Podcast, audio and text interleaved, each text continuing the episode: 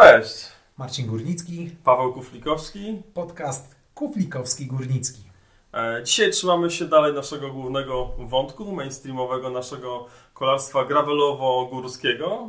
Naszym gościem jest Tomek Szczęsny, który w ostatnich dniach e, pokonał Baltic Bike Challenge i 700 zwyciężył. km wzdłuż wybrzeża. Tak, imponujące. Jest to chłopak, który zaczynał od e, dźwigania sztangi, od e, wyciskania na ławeczce. Zakochał się w kolarstwie. I nadal w tym trwa. Odkrywa kolejne e, ciekawe rejony Polski. Traktuje wyścigi jako pretekst do tego, żeby odkrywać ten nasz piękny kraj. E, I marzy też o statach zagranicznych.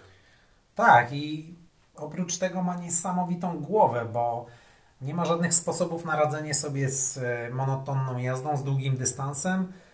No bo jednak dystans 700 km moim zdaniem jest imponujący. A jego ogromna sportowa wiedza i doświadczenie, które wynosi z pracy zawodowej, pozwala mu tym kolarstwem się jeszcze bardziej cieszyć. Mu pamięta o wszystkich elementach, które zarówno są po stronie przygotowania, jak i po stronie regeneracji. Tak, i myślę, że Tomek jest doskonałą osobą do tego, żeby motywować ludzi do jazdy na rowerze, ale nie tylko, bo do jakiejkolwiek aktywności, która wyciągnie nas sprzed telewizora. Także o tym wszystkim z Tomkiem rozmawiamy. A żeby być na bieżąco, subskrybujcie podcast Kuflikowski Górnicki. Zapraszamy do odsłuchu.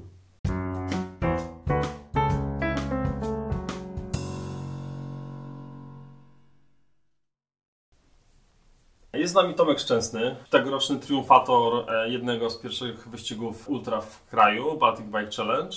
My z Marcinem jesteśmy świeżo po Sudowi Gravel.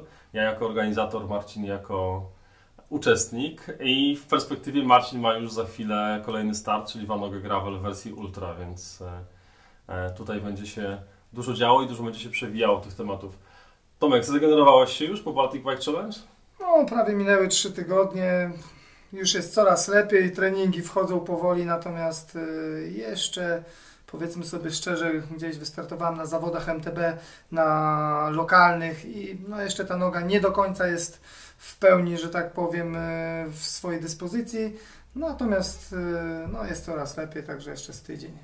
Czy 700 km to jest dystans, który robi na tobie wrażenie? Czy, bo mówisz z takim wielkim spokojem, czy to jest tak naprawdę bułka z masłem? 700 km to był pierwszy raz jechałem tak długi dystans. Generalnie chodziło o to, że mm, rzekomo ten wyścig miał być dosyć prosty, więc przeliczyłem sobie, że jak będę miał wysoką średnią, to sam dystans w sobie nie zrobi takiej e, roboty. No, po prostu będę jechał to niewiele dłużej niż e, każdy inny maraton czy ultramaraton, który ma tych kilometrów powiedzmy mniej, czyli w zasadzie czy tam 500 czy 550. No, Prosty, bo płaski.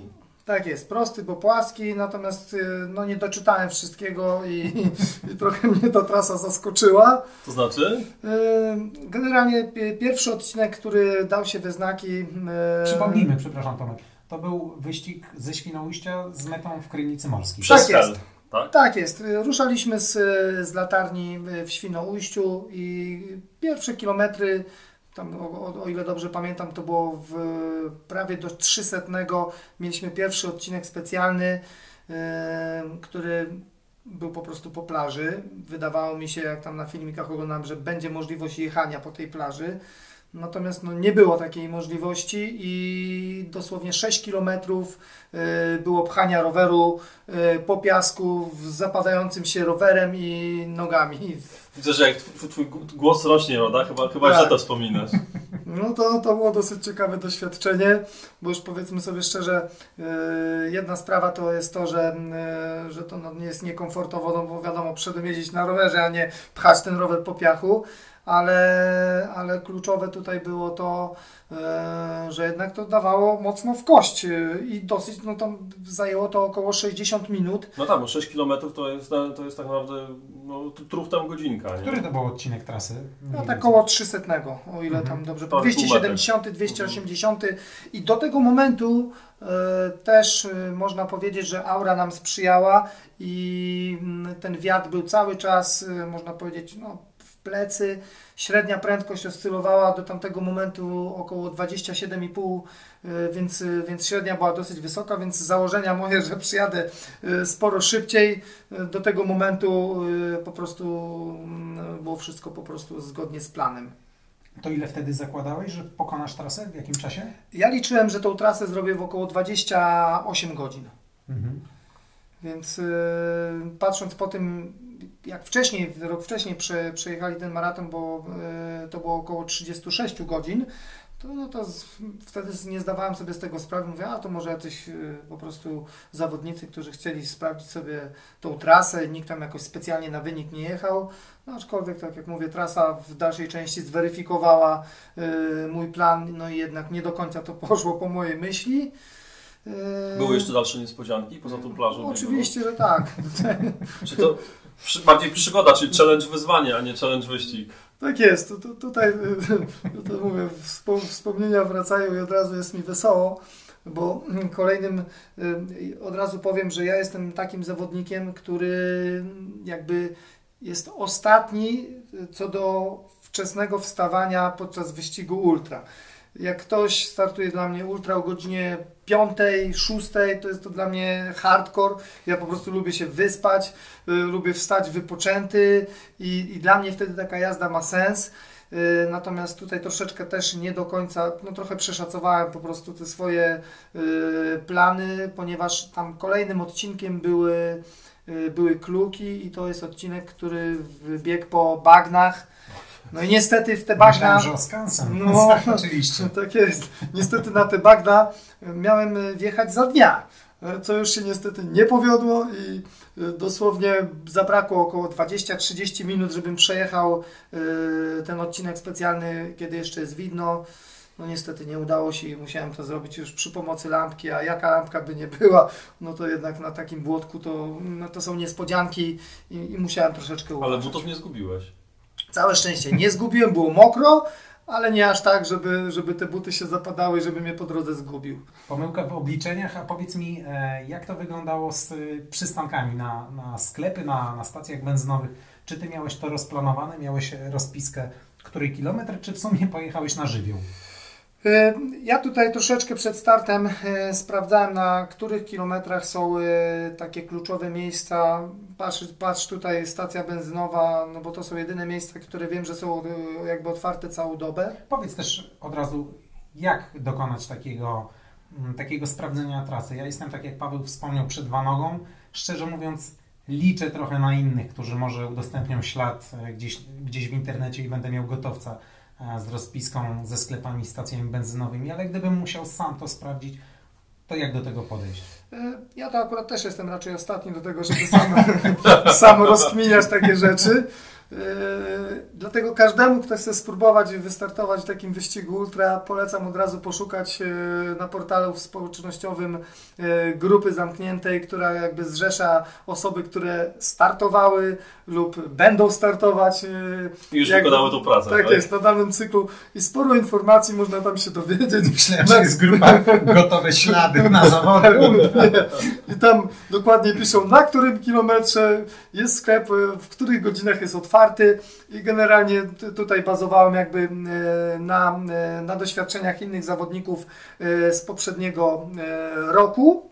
A tu są też takie dwie chyba grupy uczestników, bo ja pamiętam przed moim debiutem ubiegłorocznym na Great Lakes Gravel, też na, na grupie na Facebooku, liczyłem na taką pomoc i część zawodników była w tej samej sytuacji, część jakby nie miała z tym problemu, ale pojawiły się też głosy takie, które gdzieś tam negowały tę opcję e, w tłumaczeniu takim, e, no, że jest to wyścig, w którym ty masz być samowystarczalny, więc nie polegaj na śladzie, który od kogoś dostałeś, tylko sam weź internet, poszperaj, zrób sobie rozpiskę. No tutaj to powiem tak, że akurat ten wyścig, jeśli miałbym go porównać do innych, jest dosyć prosty ze względu na to, że. Hmm, Tutaj było sporo stacji benzynowych na trasie, więc nawet jeśli ktoś gdzieś zapomniał bidony uzupełnić albo zjeść, to było pełno miejsc właśnie, gdzie mógł to zrobić. Yy, I tutaj akurat nie było problemów żadnych, więc nawet jeśli ktoś miałby jakieś większe problemy z logistyką, to na pewno by sobie tutaj yy, poradził. Yy, No więc- tak, no przecież jakby nie było, trasa prowadzi wzdłuż- wybrzeża, więc e, co chwila jakaś miejscowość, e, kurort i tak dalej, więc... e, pewno. można od razu w morzu też uzupełnić. Aczkolwiek pewnie w maju niekoniecznie wszystko jest czynne już, prawda? Bo też niektórzy czekają tylko na sezon. Dokładnie, nie jest wszystko czynne, ale, ale że tak powiem, jest, jest sporo miejsc, gdzie można jakby te zapasy uzupełnić. Wiadomo, że każdy, kto będzie chciał startować w takim ultramaratonie, musi się zastanowić nad tym, bo y, są dwie opcje: albo jedziemy longiem, czyli jedziemy dzień i noc, i wiadomo, że w nocy będzie troszeczkę gorsza dostępność takich sklepów. I tutaj trzeba liczyć y, na stacje benzynowe, które są otwarte całą dobę. Wiadomo, że jak są mniejsze miasta, to potrafią też te stacje być otwarte powiedzmy do 24, 23 i to trzeba sprawdzić, y, ale akurat to chyba nie jest jakieś strasznie trudne, więc to z tym powinien sobie każdy poradzić. Y, Więc, więc myślę, że tutaj y, no, troszeczkę zaangażowania i, i można samemu wypracować, bo wiadomo, też każdy innym tempem jedzie. Ile ty miałeś postojów podczas tych 700 kilometrów? Mm, Moim celem przy tym wyścigu było to, żeby jakby jak najmniej tracić czasu na postoje.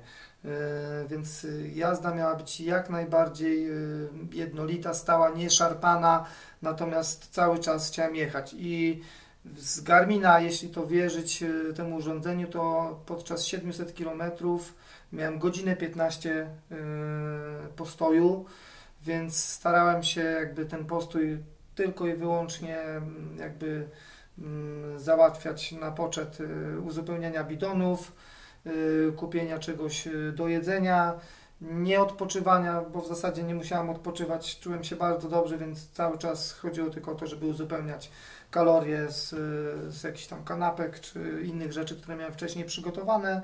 No właśnie, co miałeś? Co, co jadłeś podczas wyścigu? Ja y, podczas wyścigu zawsze, zawsze jestem zaopatrzony w kilka żeli, y, klasyczną kanapkę, którą sobie sam tam... Z bananem? Bułka z bananem, ale No, mały? Nie, tego akurat nie. Ja, ja bardziej preferuję tutaj y, bułeczki z, z wędlinką i z serkiem, klasycznie po polsku. E, I, I tutaj jeszcze moja ukochana zawsze staje na wysokości, na wysokości zadania i daje mi kulki mocy i tutaj to można też pełno przepisów wyczytać w Mhm. internecie i tam mieszanina powiedzmy orzechów, y, y, owoców suszonych plus gdzieś tam masło orzechowe i to też się super sprawdza, aczkolwiek tutaj też każdy musi sprawdzić swoją wrażliwość, bo nie każdy jest w stanie jechać 30 godzin y, jedząc tylko y, słodkie przekąski. To też jest dosyć duże wyzwanie. A co najchętniej kupowałeś w takim razie w sklepach na stacjach? Ja tutaj najłatwiej już to też jest przeze mnie wytestowane. Kiedyś na takiej dłuższej przejażdżce, przejażdżce gravelowej yy, zjadłem hot doga. I to były jakby dwa razy zjadłem tego hot doga na takiej przejażdżce. Pierwszy i ostatni raz w życiu. więc, więc, więc teraz to bazuje tylko na, na kanapkach, które tam są, to są w, trójkącikach i to mi się najlepiej sprawdza, bo mój żołądek to przyjmuje. To są e, jakby cały czas jestem w stanie to strawić.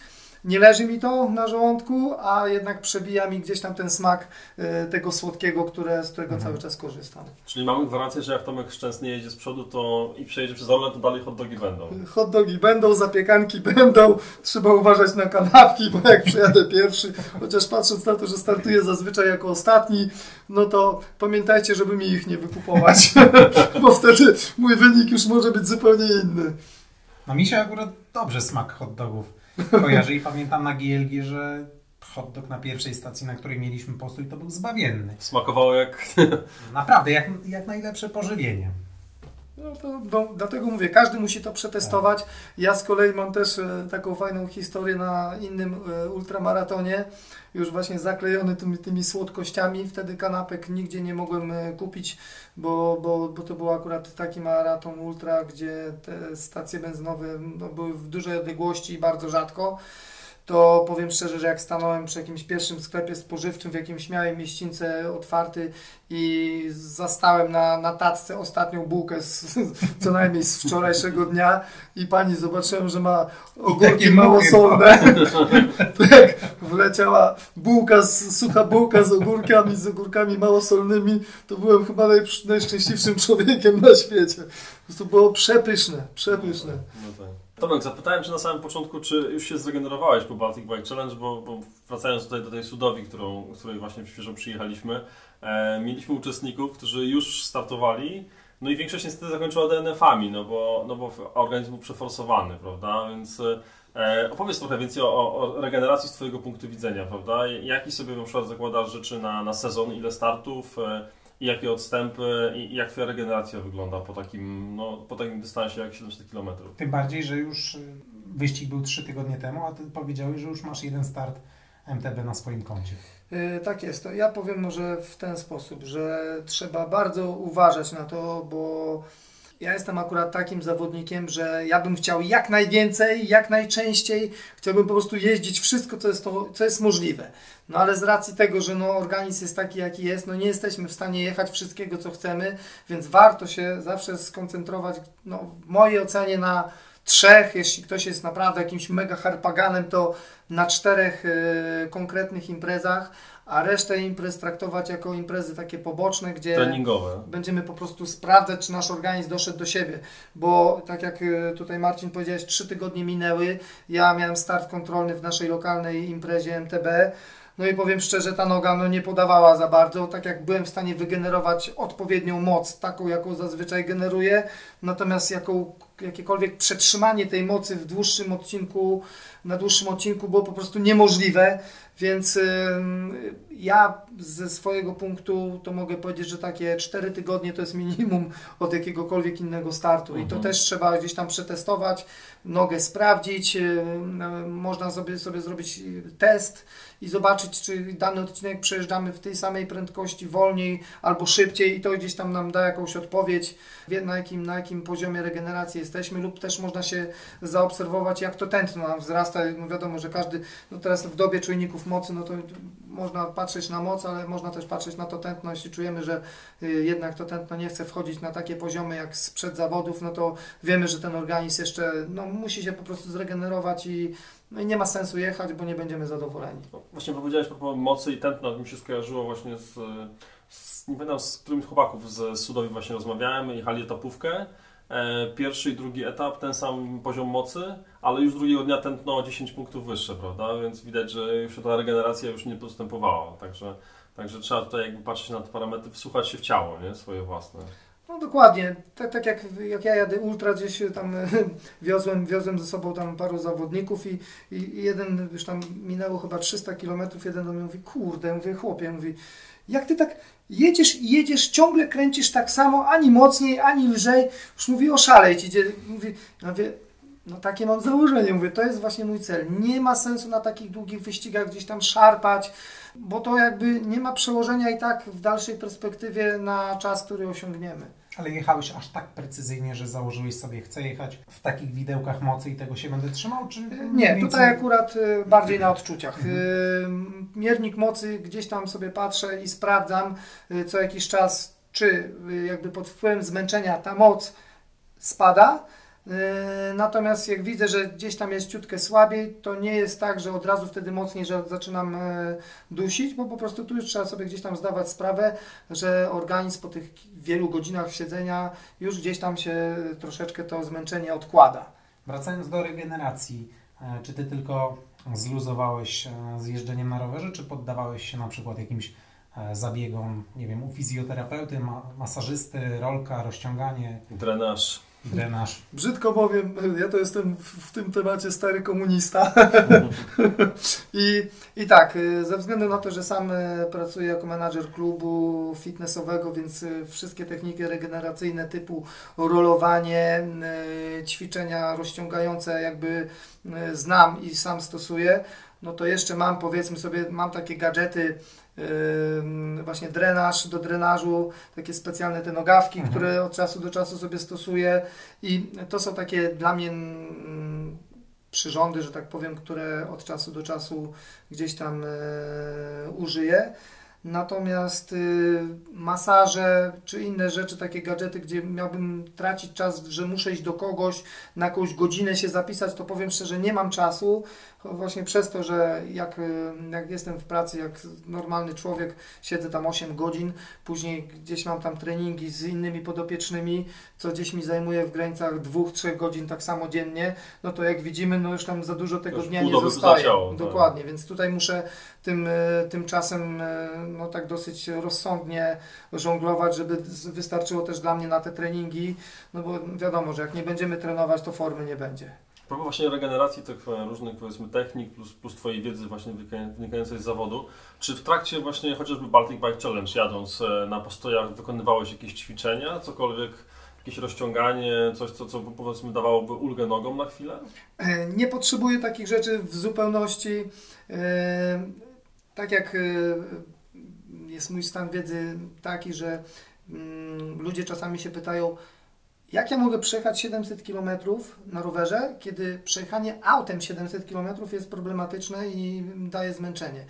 I tutaj to też każ- każdego, e, każdego może dam taką dobrą radę, że jakby nogi to jest najmniejszy problem. Podczas długiej jazdy to nasz organizm nagle bolą nadgarstki, bolą barki, yy, gdzieś tam plecy bolą i tutaj każdemu polecam skonsultować się z jakimś fizjoterapeutą lub z trenerem personalnym i żeby całe ciało było na tyle wzmocnione, żeby dobrze znosiło te wszystkie obciążenia. To wtedy wszystkie te bóle nam odejdą.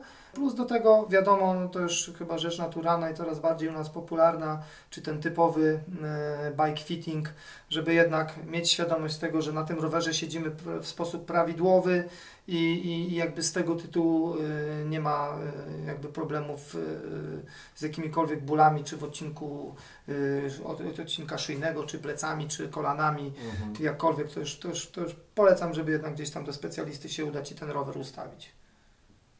No tak, bo to też y, po takim wyścigu, no, ktoś, kto nie jest przygotowany odpowiednio, ból może mu długo doskwierać, prawda?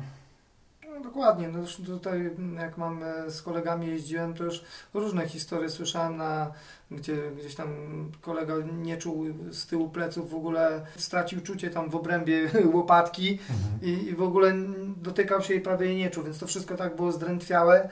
I, i takie, taki stan się utrzymywał nawet przez 4 tygodnie. Yy, Tak, tak mi tutaj dawał takie sygnały, więc to jest, no to jest dosyć, dosyć istotna sprawa, o której dużo osób zapomina, a to jest kluczowe, bo to najprostsze rzeczy podczas długiego wyścigu potrafią nam sprawić największy problem. To, co powiedziałeś, bardzo mi przywołuje tą rozmowę, którą dopiero co odbywaliśmy z Wojtkiem Koniuszewskim, e, gdzie e, jest to, rozmawialiśmy głównie o grawitacji. I tam też tak naprawdę Wojtek mu podkreślał, ogólnorozwojówka, prawda, wszystkie mięśnie rozruszane, obręcz barkowa, e, kręgosłup, prawda, wzmocnienie wszystkich partii, bo, bo jakby to, to oczywiście to nogi decydują powiedzmy o tym, ile tam watów generujemy, ale, ale to całe ciało pracuje, prawda, więc, więc e, tylko i wyłącznie właśnie tak dobrze przygotowany organizm jest w stanie to dobrze znieść, więc, więc nie tylko waty, no. Dokładnie to. Suche waty, powiem tutaj to też naprawdę te waty nie są, jak, jakbyśmy popatrzyli na nie, to nie są żadne imponujące e, jakby wartości, które gdzieś tam ktoś by zobaczył i powiedziałby wow.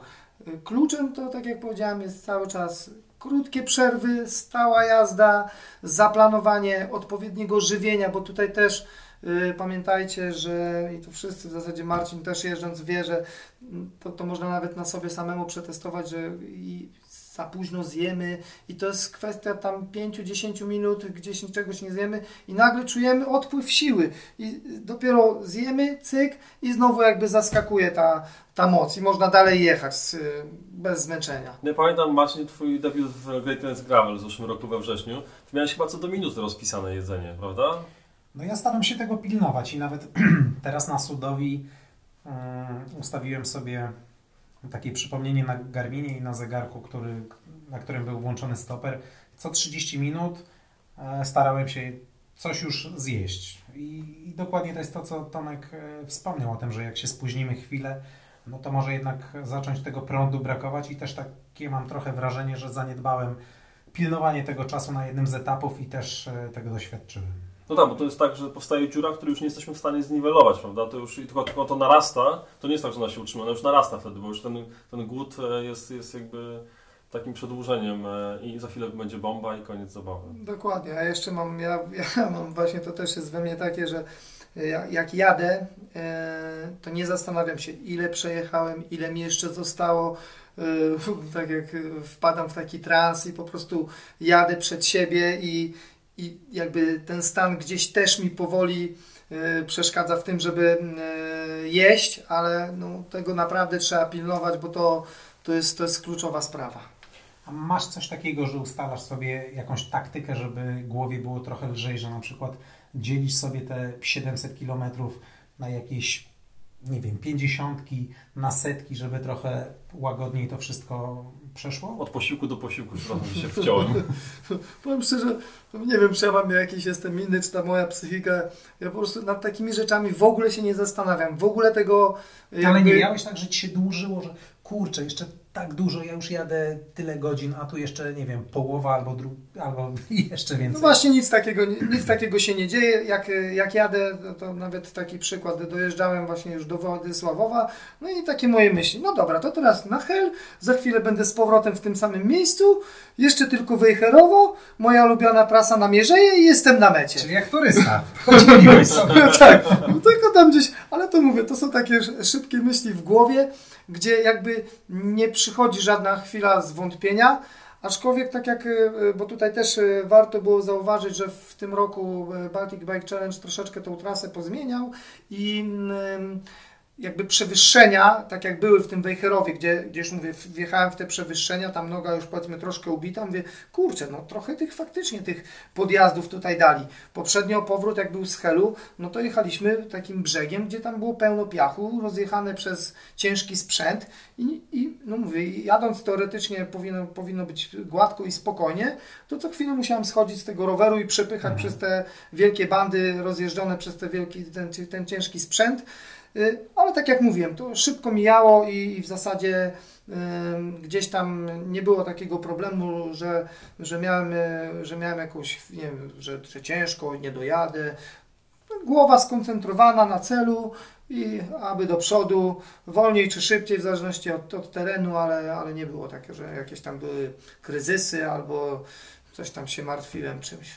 Ty zwracasz, Tomek, y, uwagę na to, na to otoczenie, które mijasz, na te krajobrazy, czy jednak jesteś skupiony na tym, co przed tobą, jak koń na starówce, który ma klapki i widzi tylko to, co na wprost? No powiem tak, tu jest, tak jak mówię, z jednej strony jestem bardzo skoncentrowany, aczkolwiek y, ultramaratony mm, to nie jest tylko kwestia tego, że ja się lubię, y, lubię rywalizację, bo oczywiście lubię, ale bardzo dużą y, przyjemność i frajdę sprawia mi to, że ja sobie jadę, oglądam te piękne zakątki Polski. Każda, każda ta część Polski naszej jest inna i z, jakby z okna samochodu nie ma możliwości, żeby zobaczyć y, te wszystkie piękne widoki.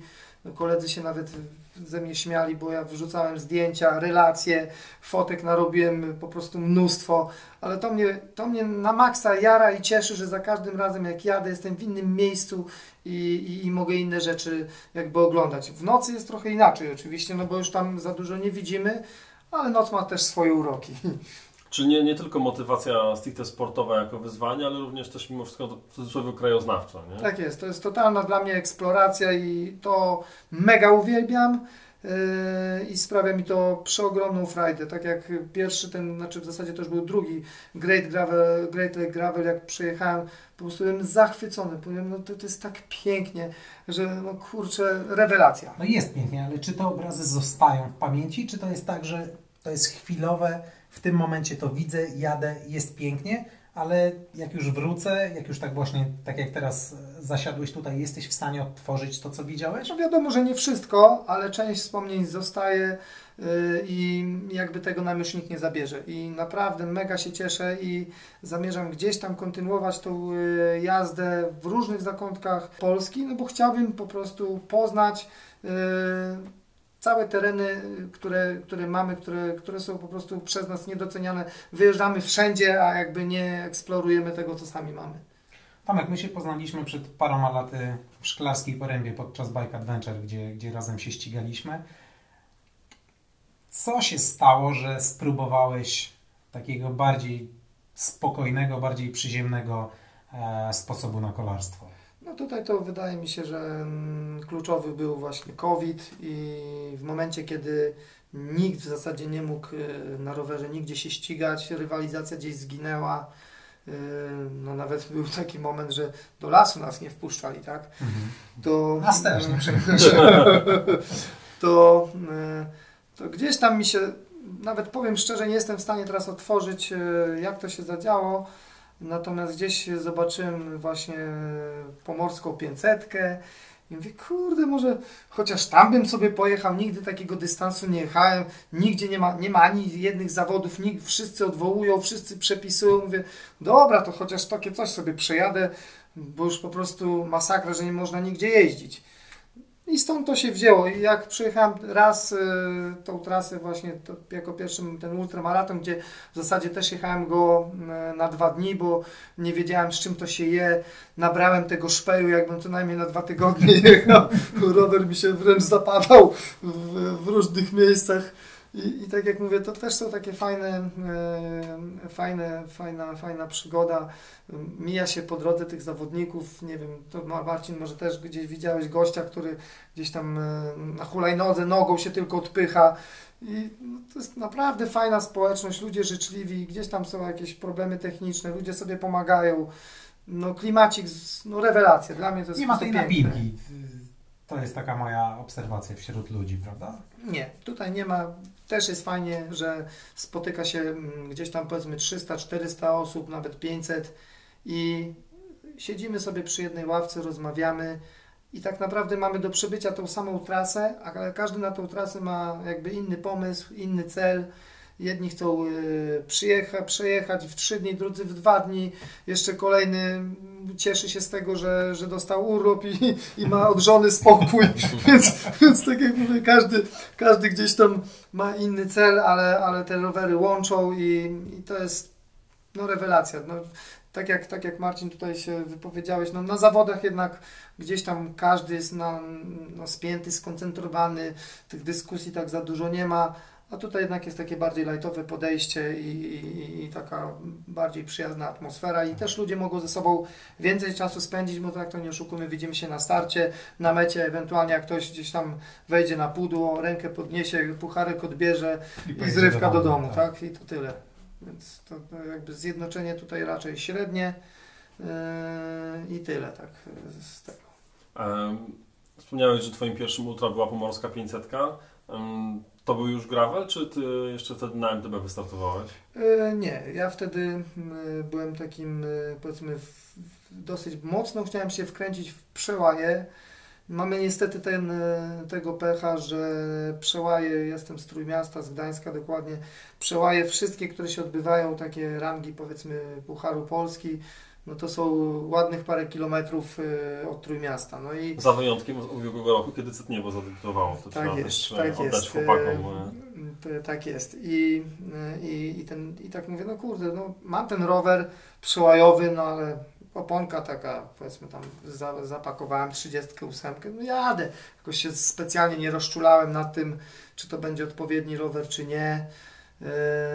No powiem szczerze, no ta pierwsza edycja Pomorskiej 500 to też tak dała się we znaki, jak, jak te właśnie wasze ostatnie imprezy, czyli y, miałem wrażenie, że tyle ile jadę do przodu, to tyle ta chmura nade mną wisi i, i, i Ale przepraszam, stop muszę, muszę, bronić, muszę bronić swojego Greatless Gravel i Sudowia Gravel, mimo aury pełna przejezdność cały czas. Żadnego chodzenia i butowania. No tam, tam akurat tak fajnie nie było. Yy, nie jeden wpadł, nie jeden moczy, buty zmoczył, nie jeden tam gdzieś się wykąpał w jakiejś kałuży. Aczkolwiek yy, to też jakoś tak specjalnie yy, jakby nie przeszkadza. Ja ogólnie jak yy, mam iść na trening, ja jestem akurat taki, że jak mam iść na trening i faktycznie jest słabo na zewnątrz, deszcz pada, no, to ja jakby nie jestem takim już świrem, że y, nie wiem, wychodzę i jestem zadowolony, że w deszczu jeżdżę i sprawia mi to frajdę. No średnio. Y, Powiedzmy, ja sama Ale ja- chciałeś przełajach spróbować. tak, no ale to, to zaraz powiem dlaczego. I tutaj tak jak, tak jak e, wyjdę właśnie na ten rower i jest ok, to większym problemem jest to, że ten rower później więcej go czyszczę niż w ogóle ten trening trwa. I po prostu jestem, no, irytuje mnie to do granic, granic możliwości. A przełaje z kolei są takim e, taką e, fajną dyscypliną, gdzie możemy powiedzmy sobie pojeździć zimą. Ten wyścig jest krótki, intensywny, i tam mi bardziej zależało na tym, bo to też jakby ktoś sobie pojeździł na przełaju, to zobaczyłby, że można być największym koniem, kręcić pierdylion watów, ale bez techniki to tam nic po prostu nie ujedziemy. No ja zawsze żartuję, że jeśli chodzi o przełaje, to jak przyjeżdża ktoś mocny, to mówię do pierwszego zakrętu. Dokładnie. I, I mi chodziło generalnie o to, żeby pojeździć sobie i tą technikę e, podszkolić. E, e, co prawda nie doczekałem, te, ten przełaj nie doczekał jakby tuningu takiego mocniejszego, czyli jakiś tam e, kół e, z szytkami. Gdzieś tam jeździłem na, na, na, na, na oponie wypełnionej mlekiem. No wiadomo, trochę przyczepność gorsza, aczkolwiek po tej pomorskiej 500 moje plany zupełnie się troszeczkę tak pozmieniały i, i przełaj powiedzmy poszedł dalej w świat do Bartoszyc, gdzie kolega, cały czas mam z nim kontakt, jest bardzo zadowolony z roweru, a ja, a ja sobie już kupiłem typowego gravela, gdzie y, gdzieś tam ta pozycja jest troszeczkę mniej wymagająca. Rower jest y, może nie taki sztywny, jest trochę, trochę więcej tych, y, tych nierówności wybiera i jest po prostu na te dłuższe dystanse wygodniejszy. Wspomniałeś o Pomorskiej 500, że aura nie była zbytnio rozpieszczająca. Co tak naprawdę urzekło Ciebie na tych zawodach, że jednak no, kontynuujesz swoją ultra przygodę? No te zawody, tak jak powiedziałem, były bardzo ciekawe. Trasa była, przebiegała fajnymi, przez fajne miejsca. Tak samo też, no później oczywiście to, niestety to odwołali, ale no na drugiej edycji mogłem przejechać przez Drawsko, czyli też chciałem zobaczyć jak to... Przez poligon, tak? Tak, tak poligon, mhm. tak. Y, chciałem zobaczyć, jak to wszystko wygląda, no bo wi wiadomo, na co dzień no nie mamy możliwości sobie wejścia na poligon i zobaczyć, jak, jak tam jest. E, no. Ja za dzieciaka łowiłem ryby na tym poligonie. Taki się miał. Przejeżdżając później ten poligon, mówię, ma, jednak ta pierwsza edycja była fajniejsza. Kurde, tego piachu tam było no tam tyle. piaskownica przede wszystkim. Tak, tam piach, mówię, Jezus Maria, oszaleć. To miałeś przełaje, które odpuściłeś. tak jest.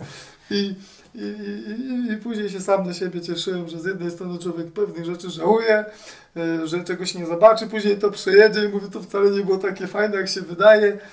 No ale tak jak powiedziałem, to są kolejne doświadczenia. Trasa była wymagająca, tak jak powiedziałem, jechałem e, dwa razy e, i aura potrafi nam zupełnie wyścig zmienić te dwa wyścigi, które były właśnie rok do roku, zupełnie były inne, bo ten, ten tak jak powiedziałem, deszczowy był y, no, przeokrutny. Tam i sprzęt dostawał już nawet, nawet y, pod koniec to y, pożyczałem, całe szczęście, że wziąłem dużą oliwkę do smarowania łańcuchu, łańcucha, pożyczałem oliwkę innym uczestnikom, bo, bo po prostu gdzieś tam ten cały olej gdzieś tam wcześniej zużyli, no było hardkorowo ale tak jak powiedziałem, dodatkowe doświadczenie. Jak już, y, ja, ja, jestem taki też, że jak już jadę, to już jadę.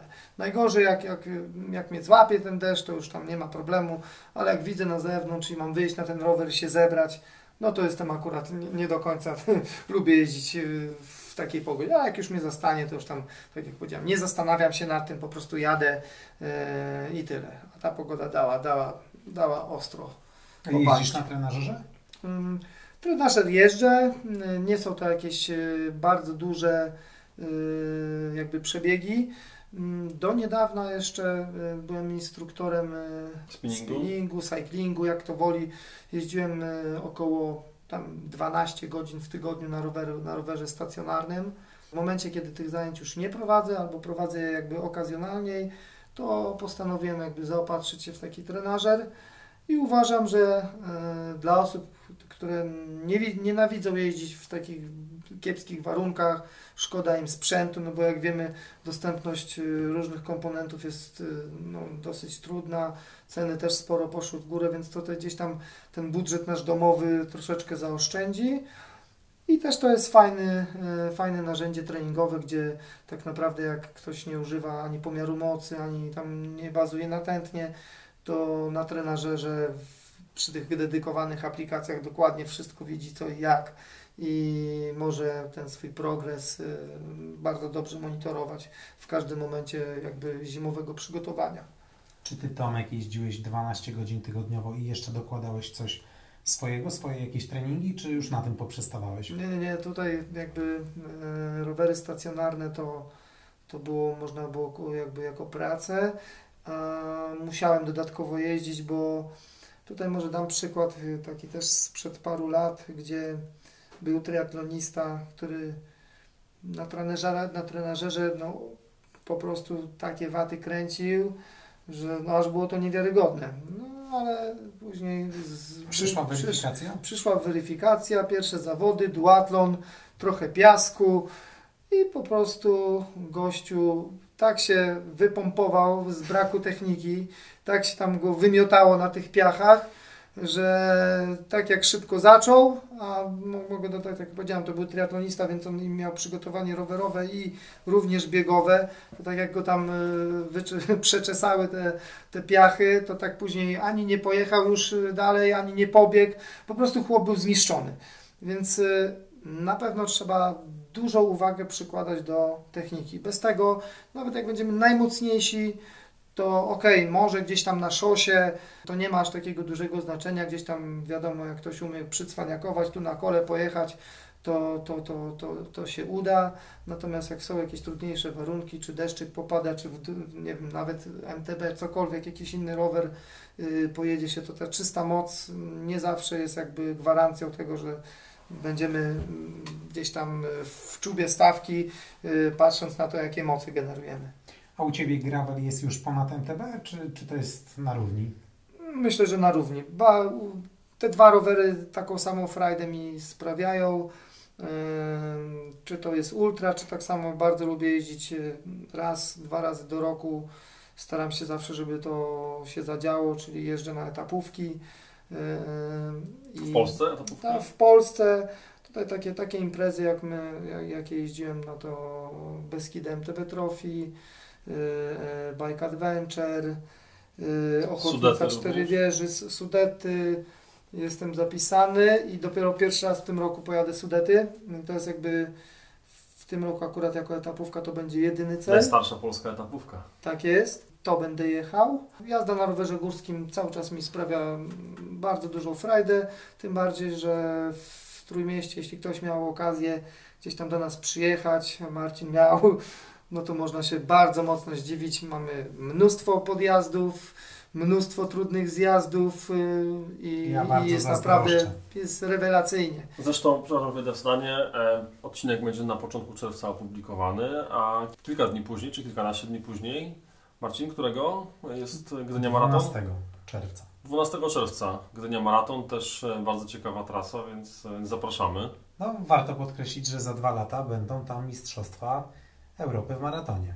To też jest taka już świeża informacja sprzed kilku dni, także e, europejski czempionat w maratonie i również przy okazji, przepraszam, tak mi się skojarzyło, Mistrzostwa Europy w przyszłym roku w cross country również w Małopolsce, z kolei przy okazji Igrzysk Europejskich, także dwie duże imprezy euro, e, skali europejskiej w kraju. Polska rowerami stoi. Kolarstwem górskim stoi. Maja Włoszczowska na emeryturze, a tu mamy takie imprezy. Tak. No, Wiemy tak samo, że jakby to nasze kolarstwo gdzieś tam będzie bardziej zapamiętywane, będą więcej dzieciaki chciały jeździć, kiedy będą gdzieś tam sukcesy, gdzie ludzie będą jeździli i, i jakby będziemy mieli możliwość, no każdy z nas w zasadzie propagowania tego sportu, bo to jest bardzo piękny sport. Yy, Jest ciężkim sportem, jest wymagającym, wymaga no, poświęcenia sporej ilości czasu.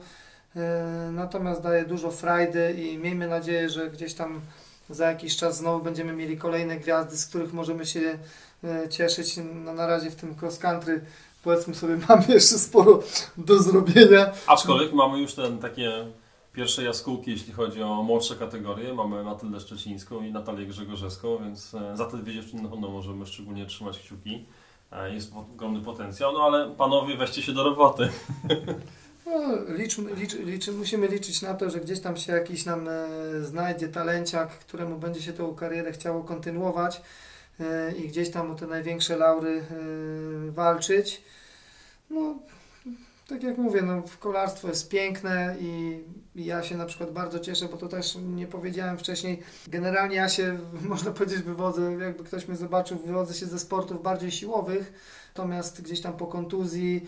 yy, Sporty walki? jakby- Czy, czy nie, sporty walki, w zasadzie to nie, to było, ja jeździłem, Ciężary ciężary, dokładnie, to były, czy tam trójbój siłowy, czy yy, wyciskanie sztangi na ławeczce, tutaj już nie chcę się jakby zagłębiać w ten temat, bo yy, jakby to było parę ładnych lat temu i bardzo dużo czasu mi zajęło, żeby się przestawić, bo to są zupełnie inne sporty, to też trzeba sobie zdać sprawę, że człowiek jest albo silny, albo wytrzymały i tutaj... Plus tutaj jeszcze dynamika przy rowerze jakby Tak jest. była, no. Ja ważyłem wtedy około 90 kg, y, więc udało mi się i tak zrzucić 10 kg przez te powiedzmy 10 lat, ale gdzieś tam to jest okupione, kurczę, no ciężkim treningiem. Yy, No i ja bardzo dobrze wiem, co to znaczy. Nie jestem jakby urodzonym jakimś talenciakiem, który wsiądzie na rower i nie pojeździ i od razu pojedzie i będzie miał dobre wyniki. To wszystko jest gdzieś tam okupione Ciężką ciężką, pracą. I to tak, tak, tak, że ka- każdy, kto w zasadzie jeździ na rowerze, może potwierdzić, że nawet jeśli jest mocny, odpuści treningi powiedzmy na miesiąc, no to po prostu jest aż niewiarygodne, jak osoby, z którymi się jeździło w danym momencie, jak one nam odjeżdżają i nie jest- jesteśmy w stanie w ogóle gdzieś tam z nimi w ogóle jechać. To jest, to jest, to jest w rowerze no, taka, taka dobra lekcja. Że po prostu to się stało w takim razie, że zmigrowałeś, można powiedzieć, ze sportów siłowych do, do kolarstwa akurat? Miałem kontuzję e, więzadła krzyżowego przedniego i od tamtego czasu gdzieś tam e, właśnie musiałem odpuścić ciężary. Ym, Lubiłem właśnie grać w piłkę nożną i A przez piłkę taki tak, tak, tak? tak, Mhm. dokładnie. Ta kontuzja to właśnie, bo to był, tak jak powiedziałem, e, gdzieś tam te treningi siłowe były jakby nieodzowne w moim życiu, a uzupełniałem je jakby grą w piłkę nożną gdzieś tam raz, dwa razy w tygodniu. No i po zerwaniu tego więzadła musiałem sobie znaleźć po prostu inną e, zabawę. E, za młodego człowieka, bo to też jeszcze wcześniej trenowałem lekką atletykę, e, to w momencie, kiedy kończyłem jakby tą karierę lekkoatletyki, mm, to bardzo chciałem wcześniej jakby za młodych lat jeździć na rowerze, ale wtedy akurat nie było możliwości takiej, bo ciężko byłoby, mówię, dzisiaj młodzi ludzie sobie nie zdają sprawy, że w, mamy właśnie te w, portale społecznościowe, ludzie się umawiają, a wtedy nie było nic, nie było telefonów i nawet nie wiedziałem, gdzie taka grupa jest ludzi, Mhm. którzy jeżdżą, bo wtedy myślę, że bym zaczął jeździć e, dużo szybciej, bo mm, tak naprawdę moje, moje jeżdżenie na rowerze to się zaczęło w 2010 roku, o ile dobrze pamiętam, gdzie poskładałem sobie pierwszy rower górski na 26 calach i wystartowałem w pierwszych zawodach. e, I to też był w zasadzie, można powiedzieć, taki ultramaraton, bo to był, to były w Sopocie e, zawody organizowane przez Red Bulla, to się nazywało Kwiat Paproci. Ach, było, pamiętam. Tak to było takie nocne jeżdżenie, Tak, pamiętam, tam się pamiętam, jeździło tak, tak, tak. z zachodu słońca do wschodu słońca. I wtedy też byłem e, już takim paroletnim instruktorem i mówię, kurde, jak ja jeżdżę tyle na tym rowerze spinningowym, to jak odpalę, to wszystkich tutaj, wszystkim kredki z tornistra wypadną, tak będę jechał. No niestety rzeczywistość zweryfikowała tutaj, to była, no, to była taka dla mnie nauczka, że to do dzisiaj w mojej głowie dosyć solidnie siedzi, bo wystartowałem, pętla miała około 8 km. No i słuchajcie, jak ja e, po czterech okrążeniach moich, najszybsi już wkładali mi dubla. Czyli Mhm. na, powiedzmy na, na, tych, e, na tych kilometrach, e, no powiedzmy do 4, czyli tam 32, oni już mieli 40, tak? Więc po prostu dla mnie to było niewiarygodne. Tam nie było żadnych tak naprawdę podjazdów. Jedna jakaś tam zmarszczka, a, mi się wtedy wydawało, że już tak ładuję w te pedały, że już mocniej się nie da, a goście przelatywali obok mnie tak, jak ja bym, jak ja bym stał. No i od tamtego czasu gdzieś tam te trenowanie takie bardziej świadome e, weszło i, i, z roku na rok gdzieś tam tą swoją dyspozycję poprawiałem. To, to były takie, można No dobrze, to cię, to cię nie sfrustrowało, tylko cię zmotywowało do dalszej pracy. No mnie akurat y, porażki w żaden sposób nigdy jakoś w specjalny sposób nie deprymowały, wręcz jakby zachęcają mnie do tego, y, żeby, żeby więcej pracować. Y, Czym mam trudniej, tym w zasadzie jest dla mnie łatwiej, bo znajduję większą motywację. A jakieś kontuzje kolarskie masz na swoim koncie? Nie, w zasadzie to nie miałem żadnej, żadnego poważnego upadku, no chociaż no można powiedzieć, że w zeszłym roku, ale to, to nawet y, powiem, to było bardziej przez moją głupotę, gdzieś tam zaniedbanie, y, zamyślenie się, nawet nie wiem jak to nazwać, bo dojeżdżając do, gdzieś tam do pętli mojej treningowej na rowerze NTB, no mówię, patrzyłem wszędzie, tylko nie przed siebie w, w kierunku jazdy. To mój I- Staś robi identycznie. Tak, i po prostu wywinąłem takiego orła yy, i przez to właśnie też nie dojechałem na Great Lake Gravel.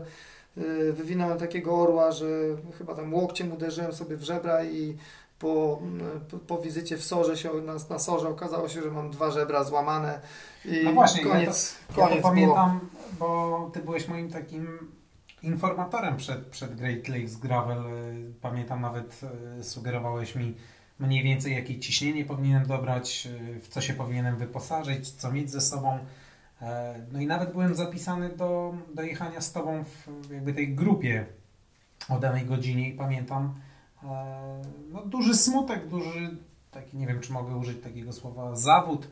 E, Jak napisałeś, że masz kontuzję, że nie możesz jechać, no nie mogłem w to uwierzyć, no ale niestety tak się stało, tak. No, to była dla mnie no, smutna historia, bo już tam pomijając to, bardzo chciałem wystartować. Miałem właśnie dwie, dwie imprezy, jedną tam MTB, drugą właśnie ten Great Gravel Lake i byłem bardzo mocno nastawiony na tą imprezę, bo pierwsza edycja bardzo mi się podobała i, i już na samą myśl przebierałem nóżkami, że znowu sobie wystartuję na tej imprezie. No, a ta kontuzja, no niestety tak się no, no taka niefartowna i no niestety cały przebieg tego, nie wiem, czy jak, jak ktoś miał kiedykolwiek złamane żebra, to ja po prostu przez dwa tygodnie to yy, w ogóle no, spać się nie da. Nie polecamy kichać. Nie, nie polecamy. Yy, kolegom mówiłem też, że mówię, że jeżeli ktoś spróbuje mnie tylko rozśmieszyć, od razu, od razu, od razu ładuje bombę na głowę. Bo po prostu każdy, każde jakieś, jakieś takie... No tak, nawet, nawet takie- głębszy oddech tak naprawdę jest tak, to od razu taki ból, że to był śmiech przez łzy tak naprawdę. Tak, to jest dokładnie To jest tak. coś, co, coś strasznego. Eee, no później, tak jak mówię, te żebra mi się zrosły. Eee, To dobrze, że to końcówka sezonu była, tak? no taka końcówka, wiem, już teraz to był chyba mm, koniec lipca, o ile było, którego chyba gdzieś tam Great jest we Końcówka wrześniu. września. Końcówka, końcówka września, tak. Tak, no to gdzieś tam był koniec lipca, bo, bo oczywiście ja to jestem zawsze nadmierny optymista i mówię, dobra, miesiąc dam, ra dam radę, przejdzie, będzie git. No niestety, bo, bo o ile dobrze pamiętam, tydzień po, e, po Great Gravel Lake y, albo dwa tygodnie, no już ciężko teraz pamiętam wrócić, ale był Shooter Master. Y, To było dwa tygodnie, bo Tak. tak. Master był na początku października bezpośrednio. Tak, dwa tygodnie Dobrze, i- było. I on był właśnie na Kaszubach i to był pierwszy moment, kiedy ja gdzieś tam wsiadłem na rower. Byłem zupełnie bez formy, ale byłem po prostu taki na to jeżdżenie, że tak powiem, zapalony, Głodny, nie? że no nie byłem w stanie sobie tego, tych zawodów odpuścić. Je, przyjechałem gdzieś tam w połowie stawki, ale jakby mm, tam było chyba 190 km, 180 Mhm. do przejechania, ale byłem taki zadowolony i taki szczęśliwy, że jadę na tym rowerze.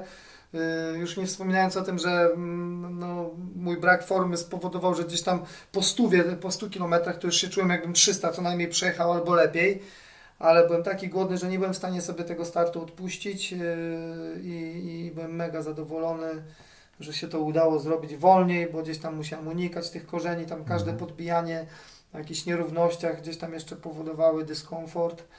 Yy, ale, ale no, no nie byłem w stanie sobie, że tak powiem, odmówić tego startu yy, i no, rewelacja. Także no, mam nadzieję, że ten start, który w zeszłym roku mi nie, nie wyszedł na Great Lake Gravel, uda mi się w tym roku. No, mam nadzieję. No. I, i było bardzo miło tą, tą trasę wspominam. Yy, Jest mega fajna, mega różnorodna. A w tym roku A będzie jeszcze, zmieniała, jeszcze tak? będzie ciekawsze, bo po- poprawiamy wszystkie, jakby wyciągamy wnioski, szczególnie z zeszłego roku, kiedy pewne fragmenty były mniej odporne na wodę, więc, więc e, jeszcze, jeszcze lepiej jakby to poprowadzimy. E, Tam Filip Raczkowski w tej chwili już nad tym się mocno pochyla. No, także powiem Wam, że no to jest trasa, jest sztos, tereny są sztos i jak jeszcze są wolne miejsca, to zapisujcie się póki są, bo, bo kurczę... Miejsc nie ma, jest tylko lista rezerwowa.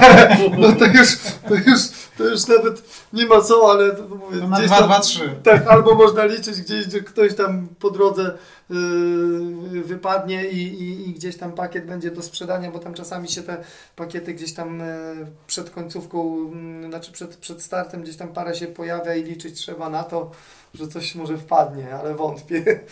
Pytałem Cię na samym początku o regenerację, potem powtórzyłem to pytanie. Teraz właśnie mówisz o, o Great Lakes Gravel, o, o dostępnych pakietach. W zeszłym roku mieliśmy taką sytuację właśnie, że e, to był już ten moment, kiedy tych imprez gravelowych było dużo więcej. My byliśmy ostatnią imprezą tak naprawdę taką ultra w sezonie. I na kilkanaście, na dwa tygodnie przed imprezą zaczęły się sypać właśnie DNF-y, DNS-y tak naprawdę. E, Przede wszystkim ludzie byli zajechani. Ludzie po wschodzie 1400 do nas pisali, dzwonili, po jakichś tam innych imprezach po prostu, że, że mają tak wycieńczony organizm, że nie są w stanie po prostu podjąć wyzwania. E, Co między Baltic Bike Challenge a Great Lakes Gravel w, te, w tym roku u Ciebie w kalendarzu, jeśli chodzi o ultra? A więc tak, no tutaj ze względu na to, że jakby należy do teamu MH Automatyka, więc mamy swój cykl, y, który jest właśnie No to maratony MTB, prawda? Więc Tak jakby jest. tak, natomiast jeśli chodzi o ultra, o ten taki naprawdę Więc ekstremalny to, wysiłek. A na, na ultra e, to tak jak e, gdzieś tam, tak jak powiedziałem, będę jeszcze na jednej etapówce startował w MTB i muszę Mhm. zobaczyć, jak się będę czuł. Bardzo bym chciał jeszcze pojechać gdzieś, powiedzmy, w okolicach sierpnia. Tak gdzieś, bo, bo, no tak, no gdzieś w okolicach sierpnia, nawet troszeczkę dalej, jeszcze coś spróbować sobie znaleźć jakieś takie e, ultra, ale wydaje mi się, że już nie będę w stanie pojechać, albo no nie będzie sensowne to, żebym jechał gdzieś tam jakieś 700 km, tylko gdzieś tam bym się chciał pochylić na takie, takie 400. 300-400, nie? No tak, na takim mocniejszym trochę tempie.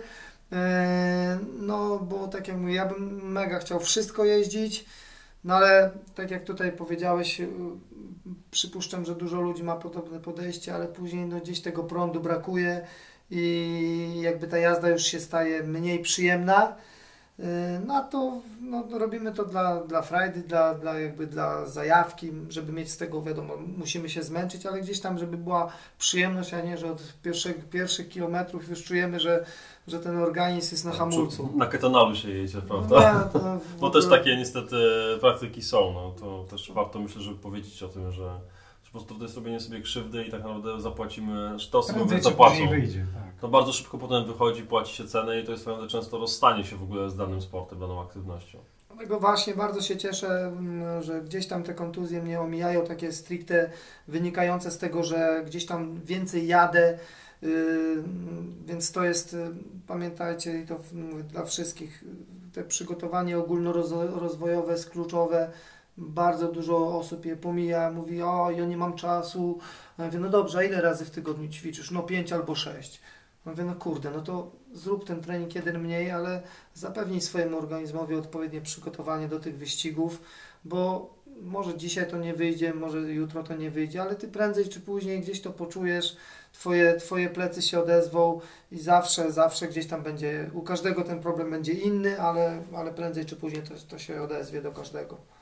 Nie masz Tomek takiego wrażenia, że coraz częściej imprezy ultra goszczą też takie osoby, które znamy powiedzmy z maratonów biegowych, które na co dzień mają brzuszek, siedzą, e, prowadzą siedzący tryb, tryb, tryb pracy, tryb życia, ale gdzieś tam usłyszały o maratonie, chcą się sprawdzić.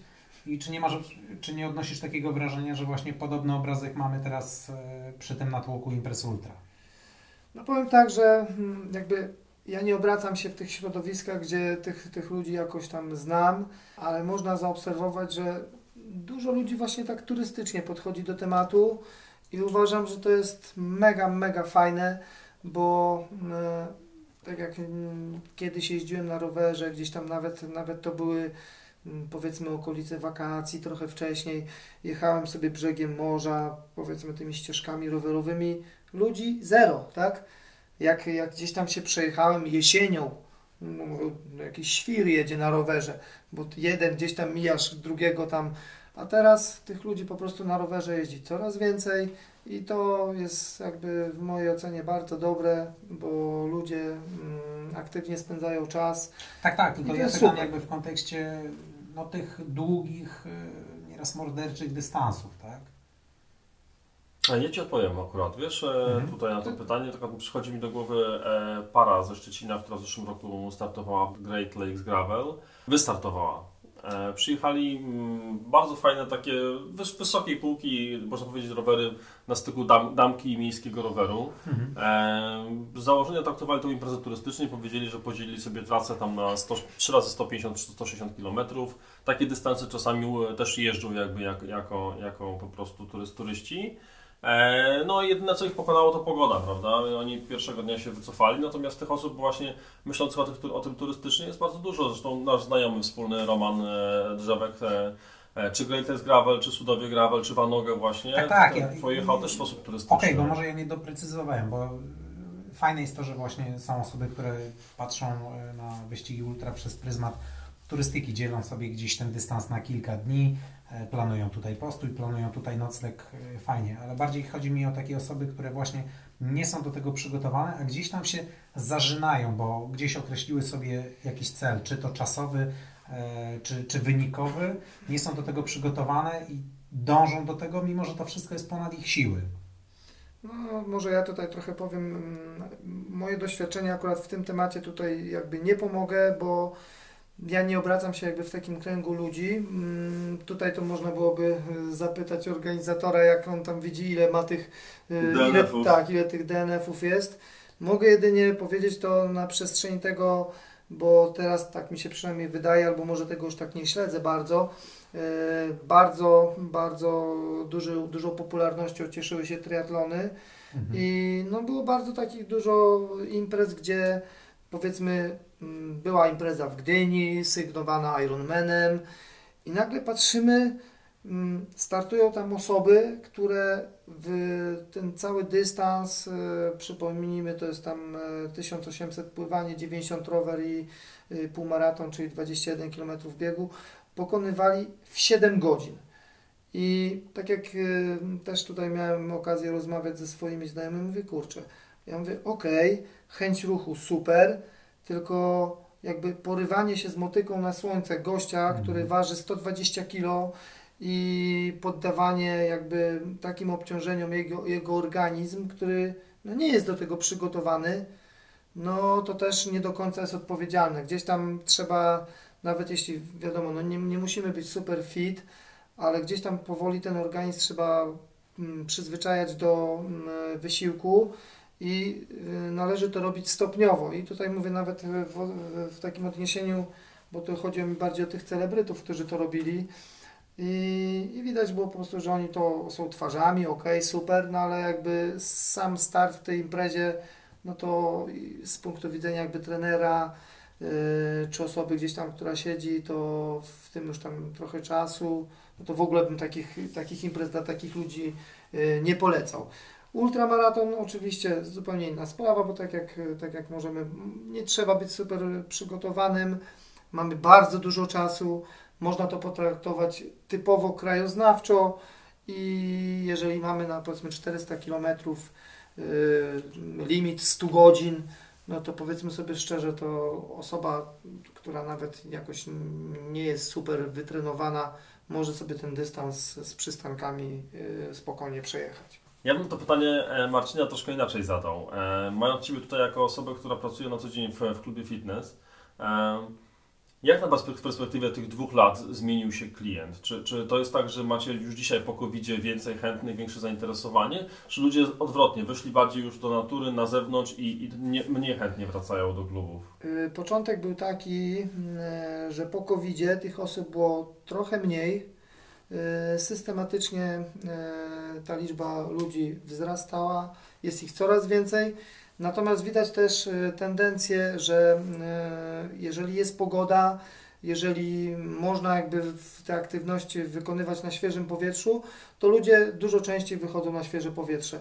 Tu można było nawet, nawet do dzisiaj, że jest delikatny problem, można powiedzieć, z kupnem rowerów. Tych rowerów nie ma I to jest właśnie też wynikiem tego, że po prostu dużo ludzi zaczęło te rowery kupować i, i, i, i tego sprzętu brakuje. Yy, No co też uważam, że jest pozytywne, bo, bo, bo, bo generalnie czy, czy, czy to jest zima, czy jest lato, czy no powinniśmy się cały czas ruszać, a w jakiej formie to robimy, to każdy niech sobie dopasuje do tego, co po prostu Mhm. sprawia mu przyjemność, bo tutaj też y, my sobie siedzimy, jesteśmy rowerowymi, rowerowymi gdzieś tam y, zajawkowiczami. Wariatami, Tak, kolarzami. no, tak, także, także mm, jakby my bardzo dobrze się rozumiemy, yy, ale są ludzie, które, którzy na przykład roweru nie lubią, sam, sam takie osoby znam. Ja mówię, okej, idź na spacer, popływaj na kajaku. Kolegujesz się w ogóle z takim Pewnie, że tak. Ja to.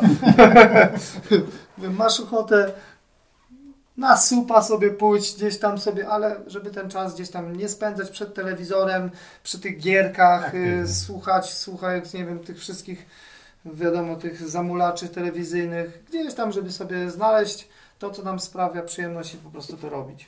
Tomek, ty poruszyłeś aspekt y, krajoznawczy, y, tego obcowania z przyrodą. Powiedz mi, czy dla Ciebie długi dystans to jest tylko wyścig ultra, czy też gdzieś tam w planach masz typowy bikepacking, śpiwór, namiot, kuchenka na łonie natury, taki odpoczynek? No właśnie tutaj to też jest takie trochę śmieszne, bo y, z drugiej strony mm, nie lubię spać w namiotach.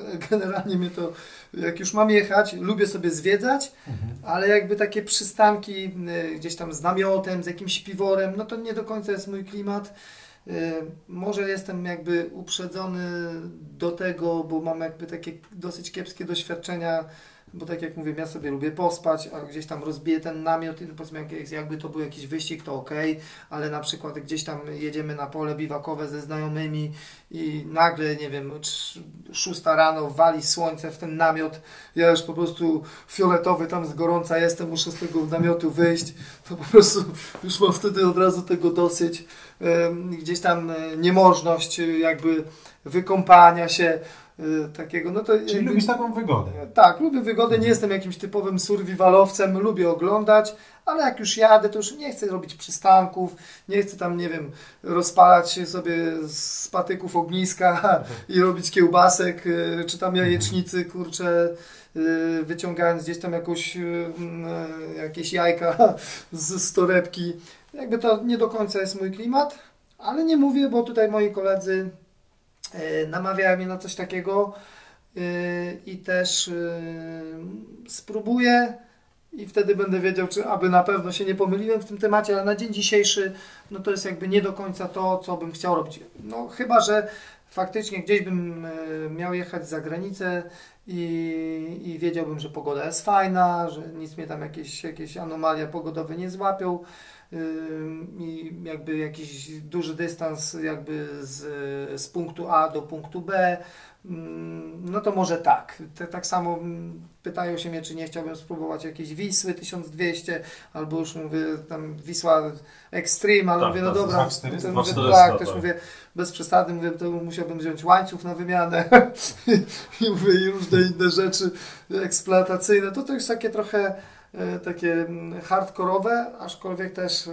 póki człowiek gdzieś tam w głowie mu się coś dziwnego nagle nie uroi, no to nigdy nie mówię, że na pewno tego nie zrobię. Yy, aczkolwiek na dzień dzisiejszy wydaje mi się to mało prawdopodobne. No ale ultra 700 km na rowerze też dla mnie było kiedyś niemożliwe, a jednak to jest tylko kwestia podejścia do tematu i, i po prostu zrobienia roboty i tyle. A jest jakiś wyścig, w którym bardzo chciałbyś wziąć udział? I go ukończyć oczywiście. E, Akurat co do jakby dokładnych e, wyścigów, e, nie, tak co do dokładnych, a no to dobra, to tutaj to może, może, może, może jest, ale to jest jakby bardziej wyścig komercyjny, w którym Marcin miałeś okazję uczestniczyć, to jest właśnie Cape Epic, to bym chciał po prostu poczuć ten klimat tej jazdy i, i, i gdzieś tutaj, gdzieś tam jest to w sferze moich marzeń, wiadomo, że tutaj to E, kwestie e, ekonomiczne są tutaj dosyć, e, dosyć ważne, bo ten wyścig jest no, taki dosyć hardkorowy i tu trochę trzeba budżetu nazbierać. Zwłaszcza teraz, bo tak. porównując to do roku 2000 2019, w którym ja byłem, to już cena niestety mocno poszybowała w górę. Tak, i to jest gdzieś tam w jakiejś sferze moich marzeń. Też bym chciał, ale to jakby jeszcze sobie nie znalazłem takiego wyścigu za granicą, gravelowego oczywiście, który gdzieś tam by mm, mnie jakoś tak super zainteresował, ale powiem szczerze też, że jakoś tak specjalnie nie szukałem Mhm. bo nie chcę się nakręcać na razie na to, ale na pewno w, w perspektywie gdzieś tam przyszłego roku chciałbym jakiś zagraniczny wyścig yy, zrobić, yy, no żeby po, poczuć ten klimat, yy, ale to mówię, muszę się rozejrzeć, co jest w ogóle dostępne i, i gdzieś tam, żeby to ziarenko się powoli wykluło i, i, i, gdzieś tam sobie to przygotować się powoli do takiego wyścigu. E, Z jednej strony e, maratony MTB, etapówki, e, no mimo wszystko krótszy dystans niż ultra, z którym się mierzysz na, na gravelu. E, Po środku tego, od tego sezonu mamy, e, można powiedzieć, usankcjonowane kolarstwo gravelowe przez UCI. E, Będzie w Światowie Zdroju UCI Gravel Series wyścig w połowie czerwca, ale również właśnie wyścigi zagraniczne w, w, tym, w tym roku są właśnie takie oficjalne w, w Belgii, Holandii, Włoszech, Hiszpanii. E, może to jest coś, co, co w ogóle myślisz o gravel racing, o takim dystansie 150-200 km e, wyścigowo, tak naprawdę wyścigowo. Powiem tak, jeżeli, w, jeżeli te wyścigi gravelowe będą próbowali robić na wzór wyścigów szosowych, gdzie będzie odpowiednia transmisja telewizyjna, to no, uważam, że to będzie, to będzie taki sztos, że bardzo dużo ludzi będzie chciało to oglądać. A pytanie, czy chciałbyś czymś takim Ależ wystartować? oczywiście, że tak. To jest. Mhm. y, mamy też nasze takie y, przez y, też znanego zawodnika Michała Bogdziewicza mamy No tak. organizowane y, Gravelondo, Mhm. czyli też takie właśnie gdzieś tam jeździmy sobie 70, 80, 90 km takie jazdy, więc bardzo doskonale jakby wiem z czym to się je. Mm, Wiadomo, jest to też, y, to, to już jest bardzo ciężki mm, kawałek chleba, że tak powiem, bo tam zarówno i moc w nogach, i technika, i gdzieś tam y, no, trzeba umieć się znaleźć y, W grupie, y, w grupie, tak, y, a mówię, jeżdżenie po takich dziurach, co my tam mamy na Kaszubach i w grupie, to też trzeba być czujnym jak ważka, jak ja to mówię, żeby się nie wpakować. W, w sobotę albo w niedzielę jest cyklo gravel, tak to się chyba nazywa, przy- więc to jest jakby te... No, w którym będę brał udział. A, o właśnie! Ja tutaj podpytuję nieśmiało o gravel racing, a Tomek nagle, a ja będę startował jednak. O Gdyni też nie wspomniał, że będzie 12 czerwca. No właśnie. No, tak jak no mówię, no, właśnie. te, te gravel... e, Ile tam jest, przepraszam, że Ci wydaję zdanie, ile, ile jest teraz w tym cyklu gravel e, dystansu? Tam jest 200 chyba coś kilometrów. No, tak, no powiem od razu tak, że ten cykl e, to robią też e, znajomi z Trójmiasta, którzy robią bardzo fajne wyścigi. E, I w zeszłym roku jechałem ten wyścig, e, gdzieś tam właśnie nie do końca e, byłem w formie, udało się tam czwarte miejsce zająć, czyli najgorsze. E, Wtedy było 180 km, a w tym roku, bo w zasadzie wczoraj dostaliśmy e, jakby trasę, i trasa będzie w tym roku miała 220 km, więc jest ciutkę, ciutkę dłużej, ale Mhm. trasa też jest super, ale tak jak powiedziałem w moim teamie, mówię, słuchajcie, jak będę się czuł i już po tym moim, po tej mojej 700 będę czuł w nogach odpowiedni ogień, a tak delikatnie czuję, że może być całkiem nieźle już, no to wtedy pojadę i, i, i się sprawdzę. Jeśli y, nie będę czuł jakby powera, to jedziemy tam y, bardzo dużą grupą y, naszego teamu, czyli około tam 10 osób, więc gdzieś tam pojadę sobie razem z chłopakami i zrobimy sobie typowo taki Koleżeński turystyczny, koleżeński przejazd e, i tyle, bo to też, też no, tak jak mówię, ciężko jest pewne imprezy odpuścić Mhm. e, i, i jakby ta, ta dwusetka, już wcześniej ją zaplanowaliśmy, wiedziałem, że to gdzieś tam będzie miesiąc czasu, więc no, w teorii powinienem się na styk wyrobić, ale jak będzie, no to wiadomo, plany jedno, a, a życie drugie, więc no, mogę mieć pobożne życzenie, że będzie dobrze, Mhm. a jak będzie, to będziemy wiedzieli od razu e, w niedzielę. Ty tak Tomek sobie upodobałeś e, Pomorze gravelowo, no bo stamtąd jesteś, tak? Więc można powiedzieć, że jeździsz, że ścigasz e, się na swoim podwórku. Nie myślałeś na przykład o przeniesieniu się ze startami gdzieś na południe? No, znasz chociażby mm, doskonale Karkonosze i Zery.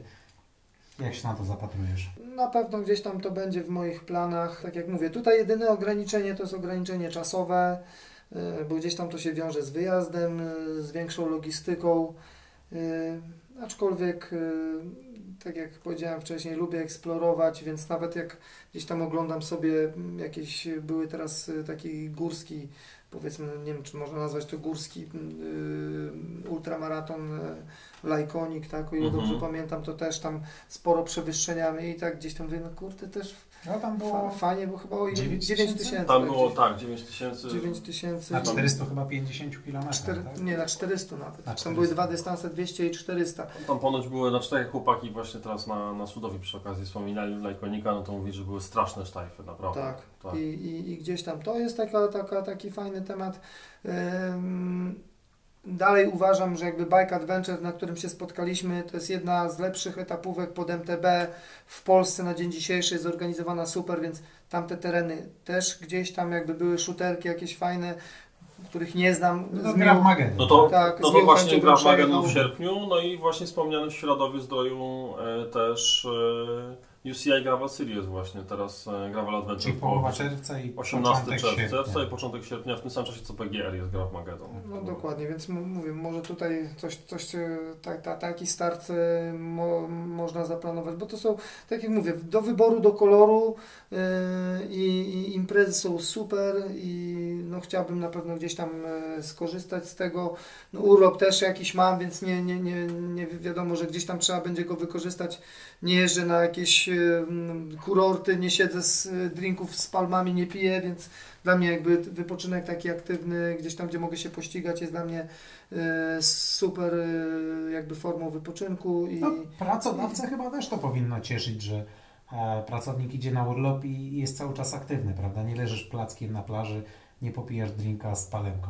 no, dokładnie tutaj mówię, tak oni nie wiedzieli do końca co ja robię, ale to też jest taka śmieszna sytuacja, bo jak e, pracuję właśnie w, w sieci klubów City Fit, to od razu tam mogę powiedzieć, to jedna tam trenerka przejechała właśnie Baltic Bike Challenge i, i, i, to kolega mnie, mój, dru, mój drugi kolega, z którym pracujemy, że tak powiem, sprzedał, bo dziewczyna się pochwaliła, że o, przejechałam y, ten ultramaraton, była super zadowolona, a mój kumpel do mnie, a ja znam kogoś z City Fit, kto ten ultramaraton wygrał. I wtedy ja mówię, ja pierdziule, od razu musiałeś gdzieś tam mnie tutaj e, sprzedać, ale gdzieś tam wiadomo, że jak jest e, firma sportowa, to oni też się cieszą, że gdzieś tam ich pracownicy e, są zaangażowani w, w, różne, w różne dziedziny sportu, no bo to jest ważne, no, nasza praca też odzwierciedla niejako to, jakimi ludźmi jesteśmy.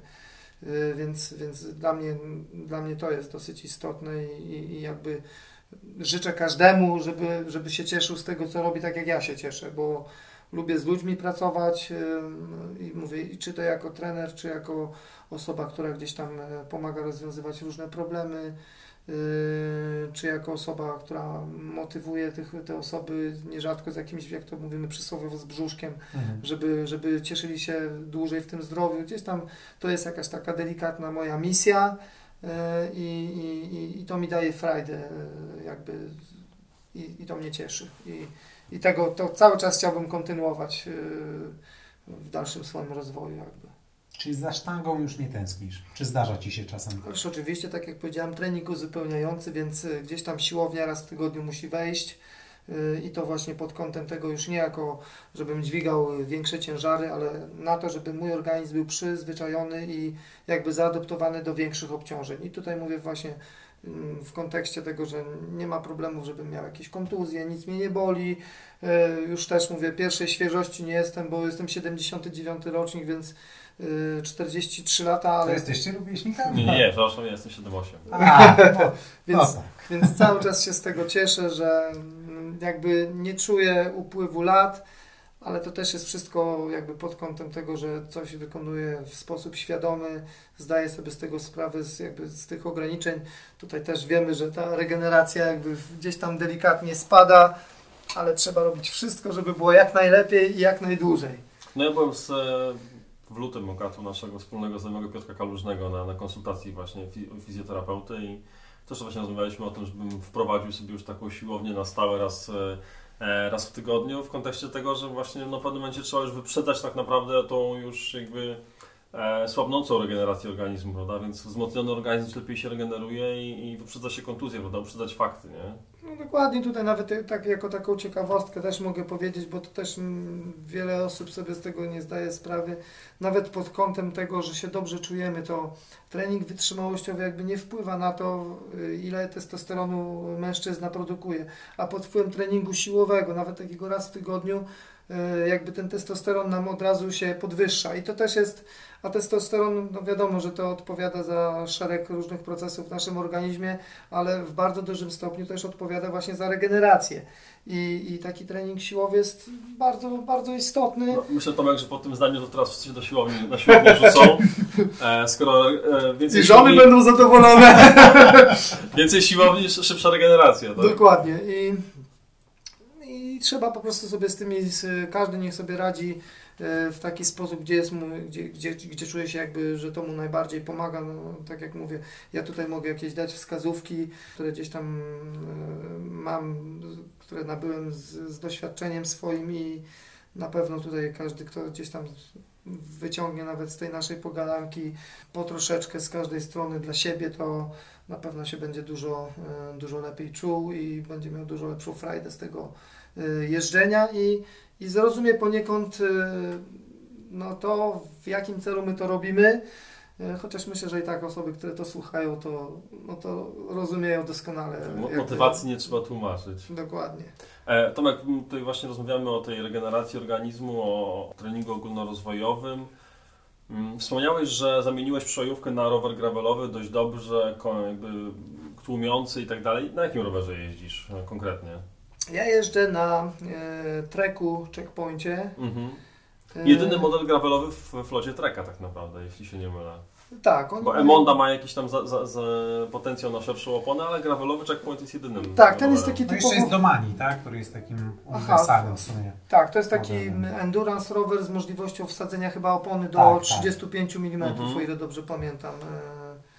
To jest akurat prawda. No, no tak, e, kryterium wyboru mm, jakby roweru, mm, ja, ja jak coś kupuję, to jestem tragedia, bo po prostu nie, no rozkminiam temat od, od podszewki, a to to, a to tamto, koła, kurde, po prostu i oczywiście zawsze w każdym rowerze znajdę to, to, to mi się nie podoba i gdzieś tam szukam jakiegoś złotego środka. E, Ale tutaj akurat do marki Trek jestem przekonany chociażby ze względu na, na to, że mają bardzo dobrą gwarancję. Jak coś popsuje, to mi w przeciągu dwóch lat wszystko naprawiają. e, O ile tam będą części dostępne? tak, o ile będą. E, Ale ten rower akurat też duże znaczenie przy jego wyborze, oprócz wiadomo walorów takich tam, już nie chcę mi się zagłębiać w aspekty techniczne, bo każda firma ma jakby troszeczkę w inny sposób to rozwiązane. Tak tutaj Trek mi się podobał pod kątem tego, że miał ładny kolor.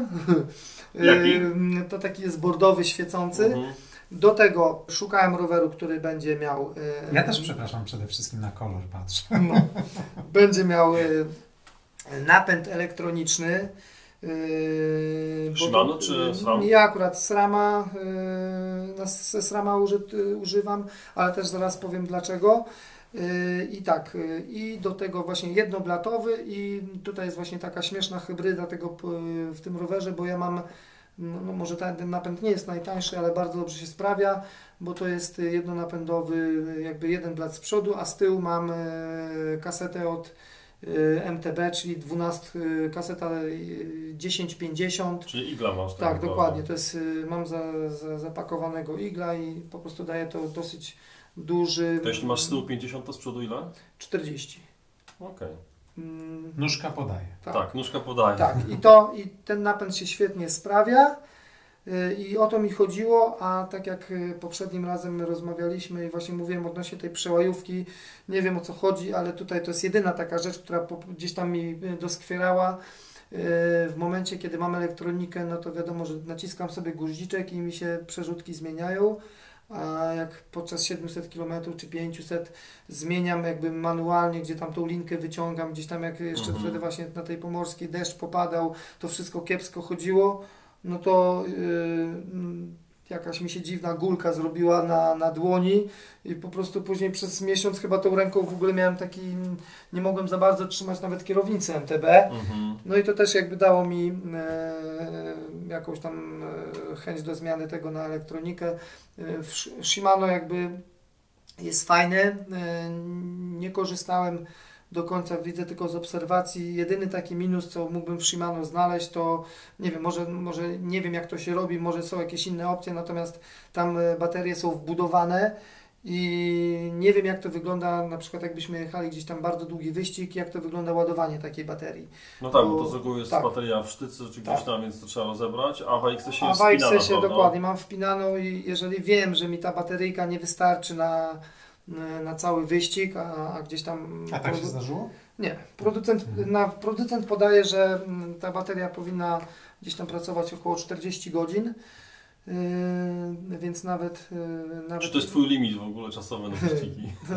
Powiem tak, że już jak y, dojechałem 700, to y, gdzieś tam przerzucałem i patrzę, o, zaczęła się świecić czerwona tam y, dioda na, na przerzutce tylnej, więc na pewno tam jeszcze by sporo Zapas pociągnęła, jakiś tak jest. jakiś zapas jest, ale gdybym jak się jakoś martwił się, to, y, to gdzieś tam bym albo drugą baterię, no i plus jeszcze jest taki, że y, już naprawdę w ekstremalnych sytuacjach to dwie baterie nam zapewniają już wszystko, bo y, y, jakby sam, sam ten element, który ładuje baterię, podłącza się na USB i na mini USB, na mikro chyba.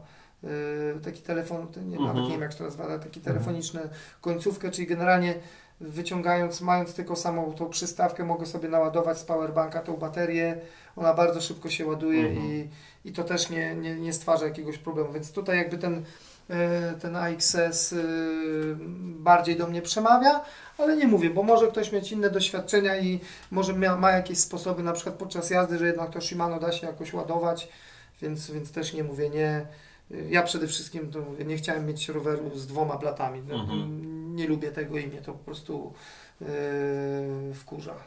Ale propos właśnie baterii elektronicznej przerzutki, na Baltic Bike Challenge chyba nie było zbyt dużo okazji do zmieniania przerzutki. Czy to jednak jest też takie No mielenie właśnie, o no. chociaż był jeden ząbek? Niby nie, ale, ale jakoś właśnie trochę było, bo, yy, bo tak jak mówiłem, yy, pierwszy odcinek yy, jechaliśmy w miarę równo, ale gdzieś tam były zawijasy, tu w prawo, tu w lewo, mm, gdzieś tam trochę było jazdy po korzonkach, po biachu, Mhm. Więc wbrew pozorom nawet sporo tymi przerzutkami tam e, pracowałem. Y, W, łebie nas, e, przed łebą dużo piachu, później z kolei to też y, warto też wspomnieć, y, bo w momencie kiedy już wydawało mi się, że najgorszy za mną przejechałem, przejechałem y, nasze trójmiejskie, nasz trójmiejski park krajobrazowy, gdzie tam, tak jak mówiłem, 3 czwarte przewyższeń właśnie znajdowało się na tym Mhm. krótkim odcinku to później wyjechałem y, od, odcinek od Pruszcza w zasadzie do, do Mikoszewa, czyli tam miejsce,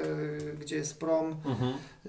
który właśnie, ta droga, która prowadzi już tam w sumie do mety, do Krynicy Morskiej, to tam taki nas wiatr zastał prosto w twarz, że tam, tam, tam jeszcze też sporo siły każdemu zabrało, bo tam prędkość 20 na godzinę, y, waty patrzę 220, 230, jeszcze byłem w stanie właśnie w tyle, tyle generować y, mocno jadąc, a kurde w ogóle nic nie jechałem, także nie wiem czy mnie to akurat spotkało, bo to gdzieś tam była godzina y, 16, 17. Nawet widziałem, że w tym momencie, co ja przejeżdżałem y, w okolicy promu, to prom w ogóle z samochodami, jakby nie było tej przeprawy promowej, bo był za duży wiatr i, i widać było właśnie, że oni wstrzymali jakby ten ruch. Bo, Natomiast wyjechaliście potem wałem Wiślanym chyba na południe, prawda? Do pierwszego połączenia Yy, mostowego, nie? Tak, tak. I, i właśnie tam od, od, od tego całego Pruszcza właśnie do tego połączenia, bo tam teraz powstało, ja nawet nie jechałem w, tamtą drogą wcześniej, bo tam y, powstały nowe ścieżki Tam jest y, R10, rowerowe. tak, to jest przepiękna droga e, rowerowa, asfaltowa wzdłuż, e, albo szutrowa, nie wiem, czy asfaltowa, No, tam, czy jest, tam jest zmienna, bo tam jest trochę asfaltu, tak, trochę, trochę y, tych płyt jump, trochę takiego szuterku, Mhm. trochę gdzieś tam jakichś tam korzonków, znaczy tych, tej trawy takiej Mhm. korzeniastej, wystającej y, I, i, I tam naprawdę ten kawałek, tak już teoretycznie myślałem, że to będzie bułeczka z masłem, a się okazało, że tam gdzieś końcóweczka też tam dała się we znaki. To No, ale później pewnie jest zbawienny na takim Tak. i w takich... Nie miałeś e, No, tak, chociażby jednej myśli, czemu nie wziąłeś roweru górskiego? Nie, ja y, y, tutaj to też jest taka, y, mogę przytoczyć taką anegdotkę, że rower górski jest fajny do prędkości powiedzmy 24 na godzinę, może 25 w zależności tego jeszcze jakie się opony Mhm. założy. Ale nasz kolega taki Mateusz z teamu y, mówi, o ja nie jadę gravelem, Czy to Mateusz, którego ja znam? tak, oczywiście. Nie jadę gravelem, MTB jest wygodniejsze, pojadę z wami sobie MTB. A mówię, okej, no chcesz jechać? No i okej, no pojechaliśmy właśnie, to, to, to była właśnie ta trasa na Mierzeję Wiślaną, czyli stanęliśmy autami w, w Mikoszewie i ogień. y, W jedną stronę tam jest około 50 km. No i tak jak w pierwszą stronę Mateusz dał radę, ale widzę tam już dojechaliśmy do tam do samego końca, do tej granicy, do tego szlabanu. Mateusz taki już bardziej fioletowy, mówię, co jest, wszystko w, w porządku. A później wracamy, mija gdzieś tam kolejne chyba 15 km czy od, od Krynicy, Mateusz Bombka, nie może jechać. Dam jeszcze taką tę zajawkę, że to nie było jakieś takie tempo, że gdzieś tam naciągaliśmy, bo jechał z nami nasz y, prezes klubu MH Automatyka Jarosław, który ma lat 60 teraz, więc, y, więc oczywiście jest mocnym zawodnikiem, jechał na gravelu, aczkolwiek wiadomo, że jak już Mateusz nie może za prezesem ujechać nawet na kole, no to y, gdzieś tam nie jest z nim dobrze. Ale to też jest ten odcinek taki, który sprzyja prędkości, bo to jest taka długa, prosta szutrowa przez e, wzdłuż wybrzeża, prawda? Tak Więc jest, to- ale tak jak mówię, Tam się przyjemnie leci na to przylotowo. Dokładnie, ale tak jak mówię, rower MTB jakby na takie szuterki gładziutkie, ta opona jest szeroka, ona stawia większy opór i, i, i gdzieś tam okej, może, wygo, wy, nie powiem, bo wygodnie może jest, no ale jakby sama ekonomia jazdy i jakby to, ile musimy mocy włożyć w pedały i jak szybko jechać, no to, to, to gravel na pewno będzie tutaj y, szybszym rowerem i od tego czasu Mateusz mówił, to ja już na, na takie przejażdżki rowerem TB zostawię yy, jednak yy, gdzieś tam w, w domu, a będę brał swój yy, rower, rower gravelowy. Dobrze, że sprawdził to na, na treningu, a nie bezpośrednio na wyścigu. No, no dokładnie, bo też powiem, że miał ochotę, bo to było yy, niewiele przed tym, jak właśnie jechaliśmy pomorską 500, a miał taki głupi pomysł, żeby właśnie jechać yy, rowerem MTB. Ja Mówię, Mateusz, no wie, przejedź się, zobaczysz, w mojej ocenie to będzie twój jeden z, z większych błędów i, i no ten, to też mogę powiedzieć, że yy, rower gravelowy, o ile dobrze pamiętam, to jako pierwszy chyba spec wy, wy, wypuścił. Nie, nie, pierwszym jest- Ale z takich skąd- dużych firm Skonfrontuję mówię. się, bo pi- pierwszym e, rowerem gravelowym była Salsa. To, to była firma amerykańska, która prowadziła pierwsze gravele. E, natomiast e, jeśli sięgniemy bardzo daleko w historię, no to Spe- Specialized e, Stump Jumper, dzisiejszy, znaczy ten pierwszy Stump Jumper i dzisiejszy Crux, e, który jest, to są rowery tożsame praktycznie. No tak, mi bardziej chodzi o to, że właśnie te takie niszowe, pewnie jest jeszcze taka firma Open, to Mhm. pewnie oni też tam gdzieś tam ten rower taki mieli, tylko mi chodzi o bardziej o to, że jak ja usłyszałem w ogóle o gravelu, to jakby mój kolega kupił speca i to był wśród tych dużych firm, to był chyba pierwszy rower gravelowy, o którym ja w ogóle usłyszałem i mówię, ja pierdzielę, mówię, co to za rower? Nie to na szosę, mówię, po korzeniach tym szybko też nie, powiedz, mówię, to jakaś padaczka, nie wiem po co to komu. Później ludzie zaczęli te rowery, y, o ja będę miał, nie mam miejsca w domu, to będę używał tego roweru zarówno na szosę, jak i właśnie na takie przejażdżki szutrowe. No ale to kurde, nagle się, mówię, czas mija i tak mówię, no ja pierdzielę, no to po tych, mówię, tych nieprzyjemnych y, akcjach z tymi dziewczynami, które tam na szosie samochód potrącił, y, no to nagle ten rower gravelowy zaczął mieć y, jakby rację bytu i, i to tak jak mówię, duża część ludzi poprzesiadała się na te rowery gravelowe. Jak wiemy, rynek gravelowy jest dosyć duży, ale te, te rowery stosunkowo jakby mm, na to, co oferują, to są no, solidnie drogie. One nie są takie, mm, że tak powiem, widać, że jakby ta myśl i, i jest takie zapotrzebowanie na te rowery, że, że one są od, odpowiednikiem, jakby porównać to na tym samym y, poziomie osprzęt szosowy, no to te szosowy łatwiej kupić y, jakby y, w niższych pieniądzach, nie? No już z Pawłem o tym parokrotnie mówiliśmy, że Jeszcze nie tak dawno prym wiodły na, na warszawskich ulicach rowery trekkingowe, rowery miejskie, a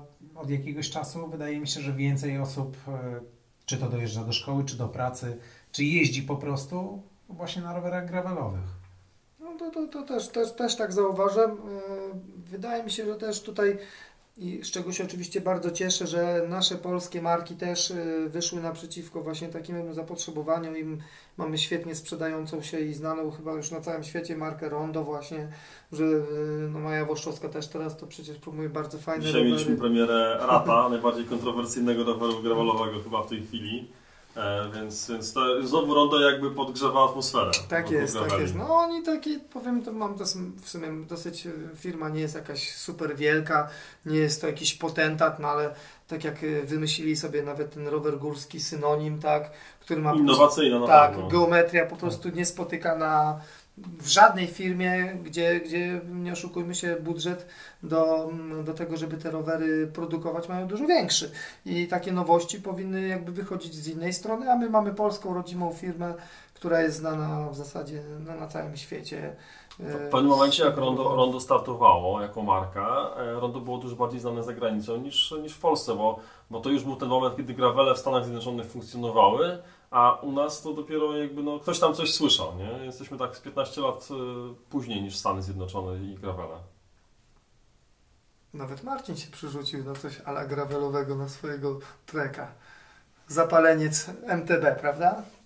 Tak, ale u mnie to trochę wyszło z braku laku, bo w pewnym momencie straciłem rower górski, a że jestem uzależniony od rywalizacji, no to zerknąłem w kalendarz, co jest, że tak powiem, e, do obskoczenia. Zadzwoniłem do Pawła na trzy tygodnie przed Great Lakes Gravel, czy, e, czy można się jeszcze zapisać. Później wykonałem do Ciebie telefon, mm, jeszcze do Marcina Przęzaka, który też mi podpowiedział, e, w co się wyposażyć. No i, i tak złapałem bakcylę, przyznam szczerze. No bo w tym roku już zaliczyłem etapówkę na Sudowi, za 10 dni, to tak sobie zestawiłem z tym, co mówiłeś o regeneracji, że powinno się mieć 4 tygodnie odstępu, a tak naprawdę. Będzie o 12. Tak, między jednym a drugim startem będzie 12 godzin, no. 12, 12 dni. No i później Islandia, na której też startuję w gravelowym wyścigu, więc e, no, wciągnęło mnie, muszę przyznać. Ciebie właśnie to wydaje mi się, że ten plan bardzo fajnie sobie y, zrobiłeś, no bo tak jak mówię, ten, e, ta etapówka gdzieś tam, nie, bo w mojej ocenie gdzieś tam ta jazda po nocy bez spania to jest jakby najbardziej dewastujące dla organizmu. No, tym bardziej tak jak rozmawialiśmy jeszcze przed, przed włączeniem nagrywania, no pogoda nie jest zachęcająca na ten no. wyścig. To jest akurat prawda, więc kurde, będę, będę tam trzymał kciuki za te, tak, za te sukcesy, bo to mm, się śmiałem też e, do znajomych, mówię, bo to, to też jest też takie dziwne, bo mm, są te trackery, e, z perspektywy jakby osoby, która miałaby to oglądać, mówię, ja pierdzielę, wszyscy tam nawet jak jadę piszą, dawaj, dawaj, coś tam, kurde, wy, wy to tak patrzycie, ja to tak wrzucam, mówię, żeby, tak, żeby to ktoś tam wiedział, może ktoś sobie zerknął, jakie tam od czasu do czasu, a to się okazuje, że sporo znajomych właśnie kibicuje prawie cały czas. A ja mówię, nie wiem, mówię, nie rozumiem tego, jak wy tak kibicujecie, bardzo się cieszę, ale mówię, emocje to jak na grzybach, mówię, z, z tymi kropkami, żeby to tak patrzeć, ale jednak yy, jak ktoś znajomy startuje i gdzieś tam takie są wyzwania takie, gdzie jest do przebycia dużo kilometrów, no to też ci ludzie lubią to oglądać i to, to też mnie kurczę cieszy i nawet a takie Jestem wsparcie, zdziwiony. wsparcie zewnętrzne kogoś, kto, kto może nie do końca dopingował, co, co jest tu oczywiście równoznaczne, ale informował Cię o pozycji, e, na której jedziesz, jaką masz przewagę, jaką masz stratę. E, miałeś? Tak, miałem, miałem, miałem, miałem support oczywiście e, i cały czas byłem na bieżąco informowany, jak tam mi idzie. Tylko tu też trzeba wyraźnie powiedzieć, że Trackery mają też y, pewien minus y, i to nawet Paweł pewnie będzie wiedział, że w momencie, kiedy ja startuję o 10, a ktoś sobie startuje o 6 i na przykład pierwszy punkt y, pomiarowy jest załóżmy na 40 i on go przejeżdża ten pierwszy punkt e, niech będzie powiedzmy po, dwie, po dwóch godzinach, a kolejny przejeżdża na przykład po półtorej godziny, a ja dopiero pierwszy przejeżdżam, to nawet jeśli ja przez ten pierwszy punkt się do niego zbliżę, ale nie dotrę do tego pierwszego punktu, a on już kolejny zaliczy, to on On dalej jest wciąż przed, jest on jest, wciąż tak. jest przede mną, więc, Tak, e, tak, tak, tak. więc, więc Tak, to- to rzeczywiście, bo ja akurat jestem z tych, co śledzą kropki i przed tym Bike, Baltic Bike Challenge właśnie widziałem, że to było tak, że przez pierwszą, nie wiem, jedną trzecią wyścigu kto inny był na prowadzeniu i potem nagle, nagle ty Tomek wyskoczyłeś, no bo już tam Tak, tak, tak, różnicę zniwelowałeś. rozmawialiśmy wtedy, prawda? Ja mówiłem, że, że Tak. Tomka z nami, tak, że jest ja na prowadzeniu. Tak to- jest, bo jak ja dopiero przeskoczyłem, gdzie je, je, je, jakby jeden punkt pomia- pomiarowy jakby dzielił nas i było można widzieć, kiedy on go przejechał i później kiedy ja, gdzie on jeszcze nie osiągnął tego kolejnego, to wtedy już e, dopiero te pomiary pokazują, jaka to jest realna e, różnica. Jak widać, no przyjechałem przed drugim zawodnikiem tam godzina 45, więc to czasowo jest dosyć dużo, a, ale jakby dopiero po jakimś czasie było widać, że jakby jestem na pierwszym miejscu. Nie, nie od razu ktoś, kto jakby nie rozumie jak to działa, to, Mhm. to myślał cały czas, że ta, ta osoba y, jest pierwsza, a tak naprawdę już gdzieś tam na trzecim punkcie czy tam czwartym, bo tam, tam ktoś robił analizę właśnie tam y, z chyba jakiś zawodnik, że gdzieś tam odjechałem około tego 350 km tam y, zrobiła się tak duża różnica. Właśnie to był ten moment, kiedy ja po prostu osiągnąłem. Doskoczyłeś do tego punktu Tak kontrolnego i już jakby miałeś tą, Dokładnie, od razu- od razu- Zniwelowałeś te dwie godziny jakby Dokładnie. handicapu. Nie? Dokładnie. I, I dlatego tak to wyszło. Rozmawiamy tutaj e, dosłownie kilka dni po no, tragedii strasznej, która się wydarzyła pod Tarczynem. To e, obiegło jakby kolarski świat e, nasz polski tutaj bardzo, bardzo szybko. Ja akurat wtedy byłem na Sudowi, dosłownie w przeciągu kilku minut e, co chwila pikał mi messenger od kolejnych osób. Sam wspomniałeś, że zaniechałeś jazdy na szosie. Tak, y, na szosie tylko w Hiszpanii, na, na jakimś y, zgrupowaniu, ewentualnie parę przejażdżek gdzieś, gdzie czuję się bezpiecznie, ale generalnie od szosy gdzieś tam odszedłem. y, No bo po prostu jest to dla mnie na tą chwilę niebezpieczne i no, nie chcę ryzykować swojego życia i zdrowia na poczet gdzieś tam y, jazdy na szosie, aczkolwiek Wiem, że szosa ma bardzo dużo zwolenników i w Trójmieście tak samo mamy piękne tereny kaszubskie, gdzie dużo osób y, jakby korzysta z tych dróg, no ale no ja, że tak powiem, po tym jak pojeździłem na gravelu, uważam, że jakby jazda na szosie może być jakąś tam przejażdżką od czasu do czasu, ale nie muszę na nią y, jakby wychodzić systematycznie, bo po prostu jest to dla mnie y, za bardzo stresujące. Mhm. I nie chcę z tego po prostu Miałeś korzystać. jakieś incydenty z takie nieprzyjemne z kierowcami, z jakieś sytuacje niebezpieczne? W zasadzie to nie. Gdzieś tam staram się zawsze, jak wychodzę na trening, to gdzieś tam weekend wcześniej, gdzie ci kierowcy jeszcze nie wychodzą, y, gdzieś tam nigdzie nie jeżdżą, jest w miarę, w miarę pusto na drogach. Y, Ale jak to mówią, strzeżonego Pan Bóg strzeże. Nie chcę ryzykować, y, bo no tak jak tutaj ta sytuacja, no gościu wyjdzie, nie wiem, napije się, no, No to była sytuacja, na której jakby nie mogliśmy, nie, znaczy nikt nie miał wpływu tak naprawdę, to po prostu pijany gość za kierownicą, prawda, bo są sytuacje, kiedy no, ktoś się zagapi, ktoś zjedzie, ktoś szarpnie, prawda, E, no tutaj akurat no, no, nie dało się tego uniknąć. Dokładnie, no to jest, to jest mega duży pech, yy, ale wychodzę z tego z założenia, że jak będę jechał gravelem po szutrze, no to jest jakby mniejsze prawdopodobieństwo, że wyjedzie jakiś świr i, i po tych dziurach będzie samochodem szybko jechał, no bo nie da rady tym szybko, chyba że ktoś, nie wiem, wyjedzie kombajnem z boku i mnie przymieli, ale myślę, że tutaj to... Chyba byś zauważył. Tak, zauważy. Prędkość kombajna chyba jest do do- 30 Dokładnie. km. I, godzinę. mm, ale tak jak powiedziałem, e, szosę uwielbiam, jest to super jazda, y, sprawia mi też ogromną frajdę, bo tutaj tu chodzi bardziej o to, że na szosie możemy osiągać y, duże prędkości, które Mhm. jakby na innych rowerach są cię- ciężkie do osiągnięcia, ale jakby patrząc na to, ile mam z tego plusów, a ile ryzyka, no to wolę jednak na tego gravela troszeczkę spokojniej pojeździć. Y, Jeżeli się jedzie w grupie, no to wiadomo, teraz y, y, jest dopuszczalna jazda parami na szosie, Mhm. y, ale na gravelu można sobie jechać i parami, i można zjechać, i bez obawy, że gdzieś tam ktoś z tyłu wyjedzie i nas zaskoczy i stworzy jakąś niebezpieczną sytuację, czy obtrąbi nas bez powodu, bo to też kierowcy nawet sobie nie zdają sprawy, że my, jeżeli nie, nie utrudniamy ruchu, to możemy parami jeździć. No niepotrzebne mi są po prostu te stresy, bez sensu to jest dla mnie. No właśnie, tu jest y, brak wiedzy y, kierowców dotyczących y, znajomości przepisów tak naprawdę o tym, że my rowerzyści, my kolarze możemy jeździć parami. Mnie przeraża jedno, bo powiedziałeś Paweł o tym tragicznym zdarzeniu w ostatnich dniach. Rozgorzała duża dyskusja w internecie, temat został poważnie nagłośniony, ale z drugiej strony też zauważyłem, że podgrzał na tyle atmosferę, że pojawiła się kolejna nagonka na, na rowerzystów, na kolarzy. E, Na kilku prof- profilach na Facebooku zobaczyłem zdjęcie grupy kolarzy, która jedzie po, po ulicy, po jezdni, a obok jest pusta ścieżka rowerowa. I oczywiście komentarz był e, bardzo wymowny autorów tego, tego, tych profili. W komentarzach po prostu wiadro z pomyjami e, wylane na rowerzystów, masa jadu, masa agresji. Później też znalazłem komentarz, w którym okazało się, że było to zdjęcie zrobione podczas wyścigu. Dlatego no, droga była zamknięta i dlatego kierowcy, y, dlatego rowerzyści kolarze e, mieli możliwość e, jechania tą jezdnią.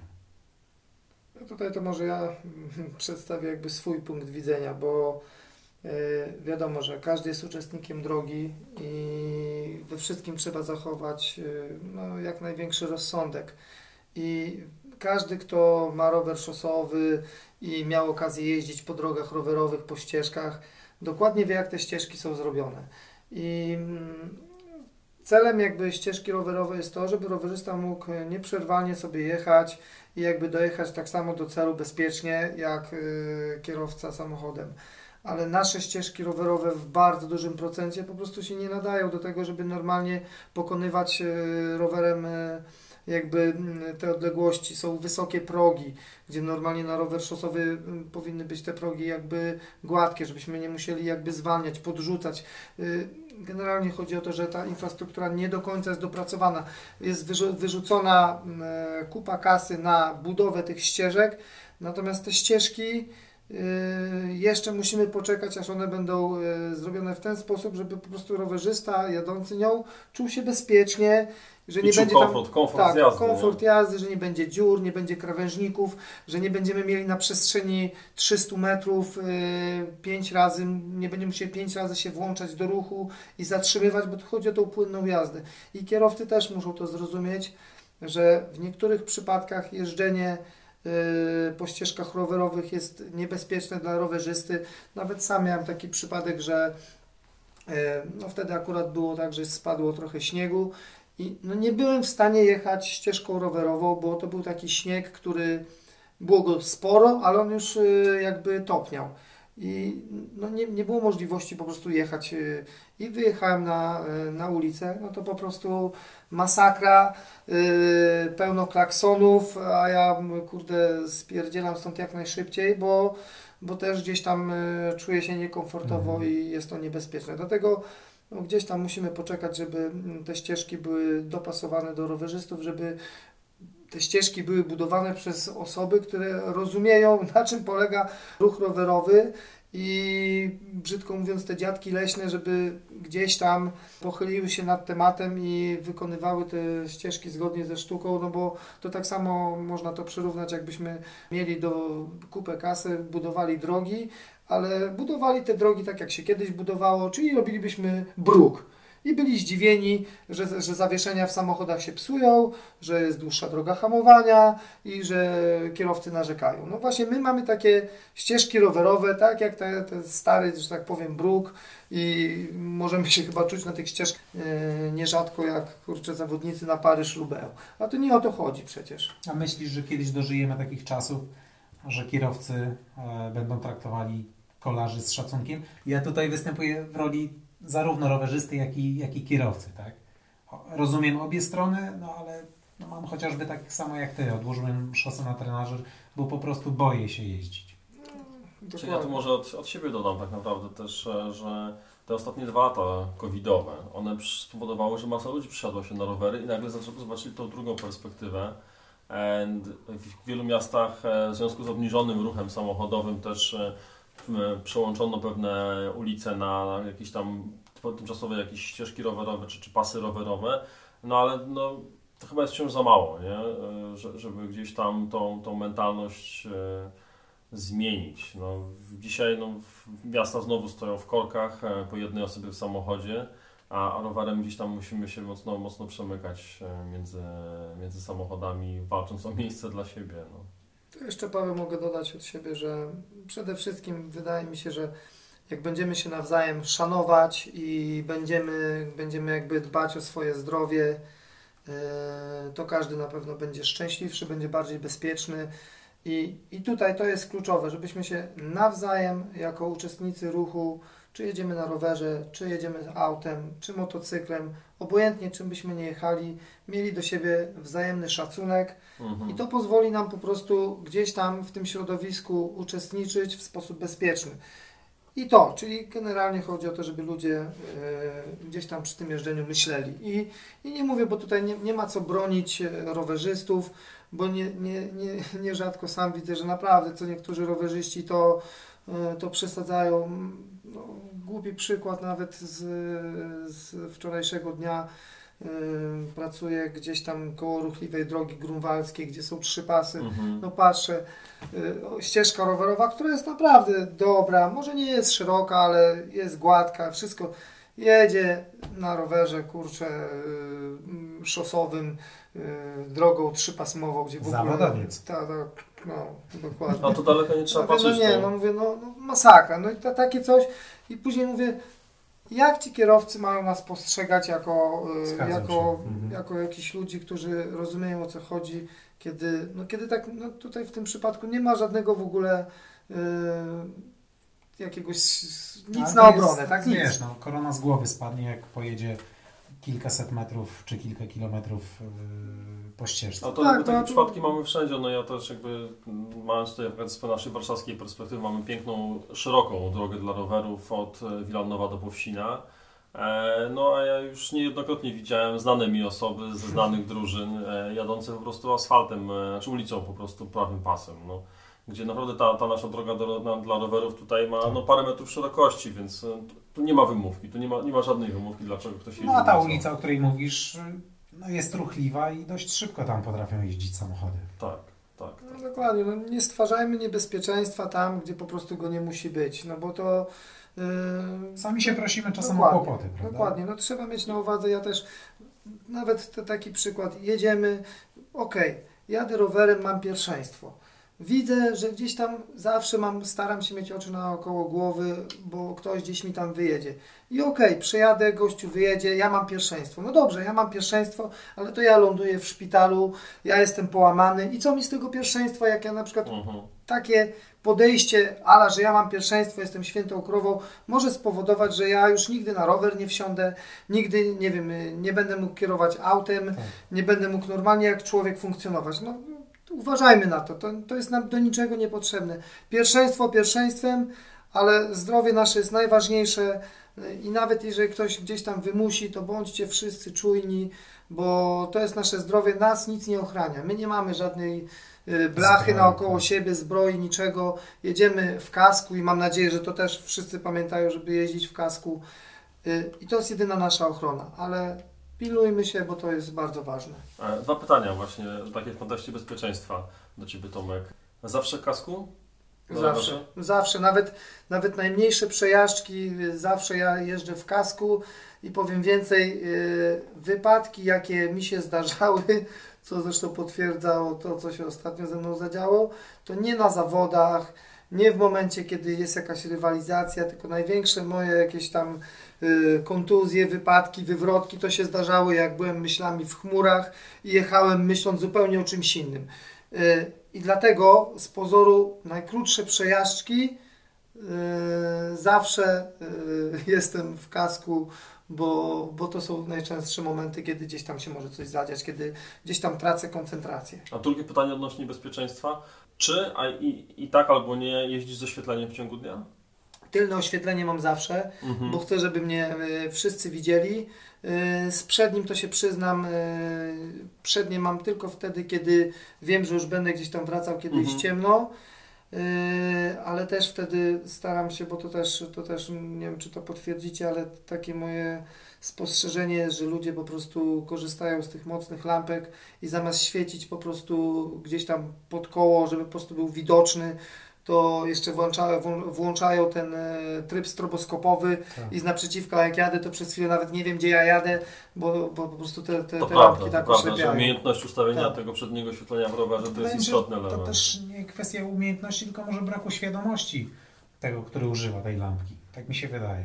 No tak, bo to, bo, no tak jak mówię, staram się zawsze być widoczny. Jeżeli wiem, że już będę wracał po zmroku, no to zawsze mam tą lampkę y, taką większą, y, ale z, z, z tej tylnej zawsze korzystam, bo, bo to mówię, to z tyłu nigdy nie wiem co jedzie, co się dzieje. Nawet, nawet kiedyś y, y, gdzieś tam zastanawiałem się nad tym, czy kupić nawet na tą szosę Garmina Varię, bo on tam informuje wtedy, kiedy, kiedy nas, do nas się zbliża e, jakiś pojazd. A, no radar I- teraz, tak, świeżo, tak, to tak. to nowa premiera e, teraz Z była kamerą. Z kamerką. wersji, z nowej wersji z kamerą, dokładnie. I też, Korzystałeś w ogóle z e, tego? tak, ja właśnie to mam, to sobie kupiłem i, i, i z tej lampki właśnie korzystam, plus z lampki e, lokowanie produktu Bontragera, ale to ze względu na to, że ona jest bardzo malutka. Mówisz o flarze właśnie? Tak, tak, flara Mhm. e, RT. Fajna mała kosteczka. Tak, mała kosteczka, łączy się właśnie z Garminem, mogę ją z poziomu licznika włączać, wyłączać.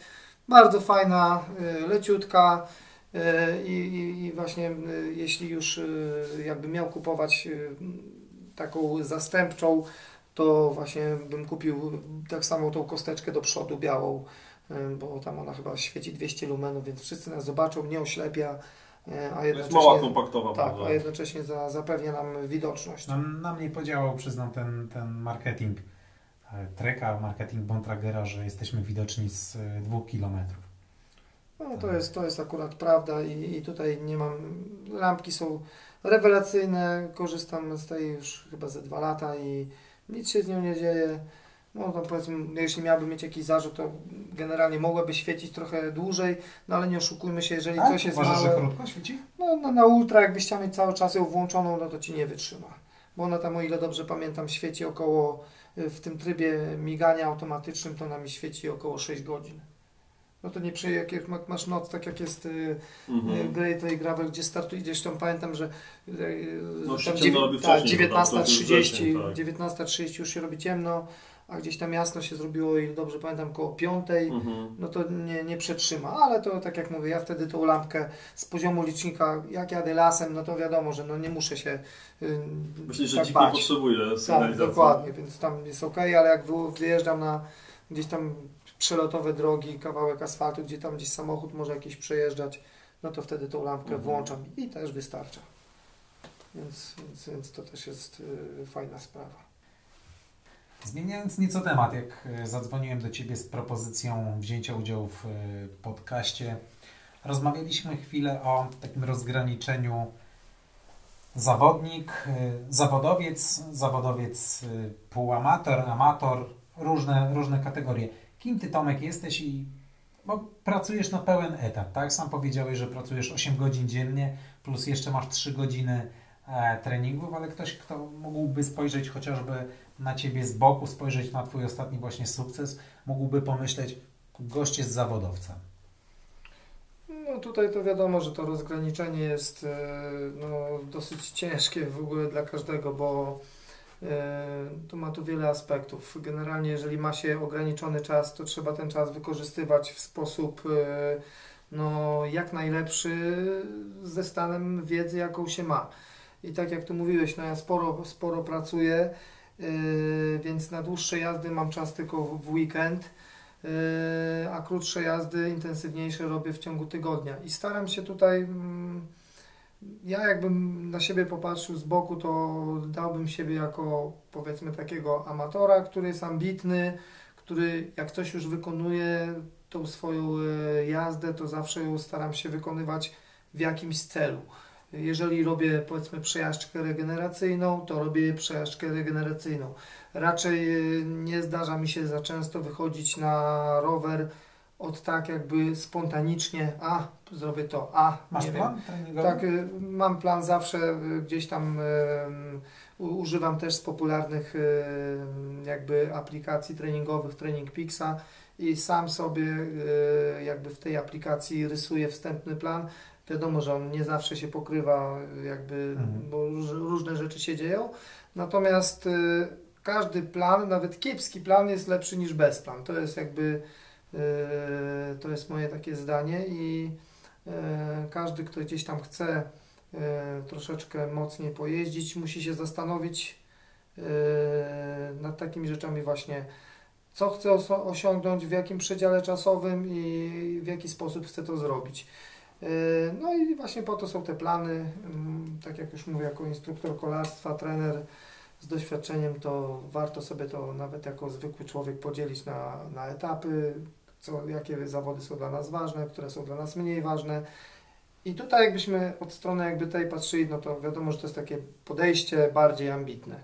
Yy, ale jak, jak mówię, dalej, dalej uważam się za amatora, no bo nie mam tyle czasu na to, żeby trenować. Yy, Jestem tak jak każdy inny z, z, zwykłym zjadaczem chleba, który gdzieś tam ma większe ambicje. Yy, Podziwiam ludzi, bo oczywiście też gdzieś tam są jeszcze ludzie, którzy mają jeszcze mniej czasu ode mnie, potrafią jeździć po nocy, a osoby, które, że tak powiem, nie muszą tak dużo pracować i mają dużo czasu na rower, no to możemy ewentualnie pozazdrościć i jakby w przyszłości sobie tego samego życzyć. Aczkolwiek y, tą pracę, którą wykonuję, no na tyle lubię, że y, jakby to wszystko się y, uzupełnia. I tak jak powiedziałem, gdzieś tam ten podział amator, zawodowiec, tutaj to ciężko powiedzieć, bo, bo każdy z nas jakby w innych realiach żyje, każdy ma gdzieś tam e, inne zasoby, e, czy finansowe, czy, czy inne zasoby Czasowe, e, czasowe tak.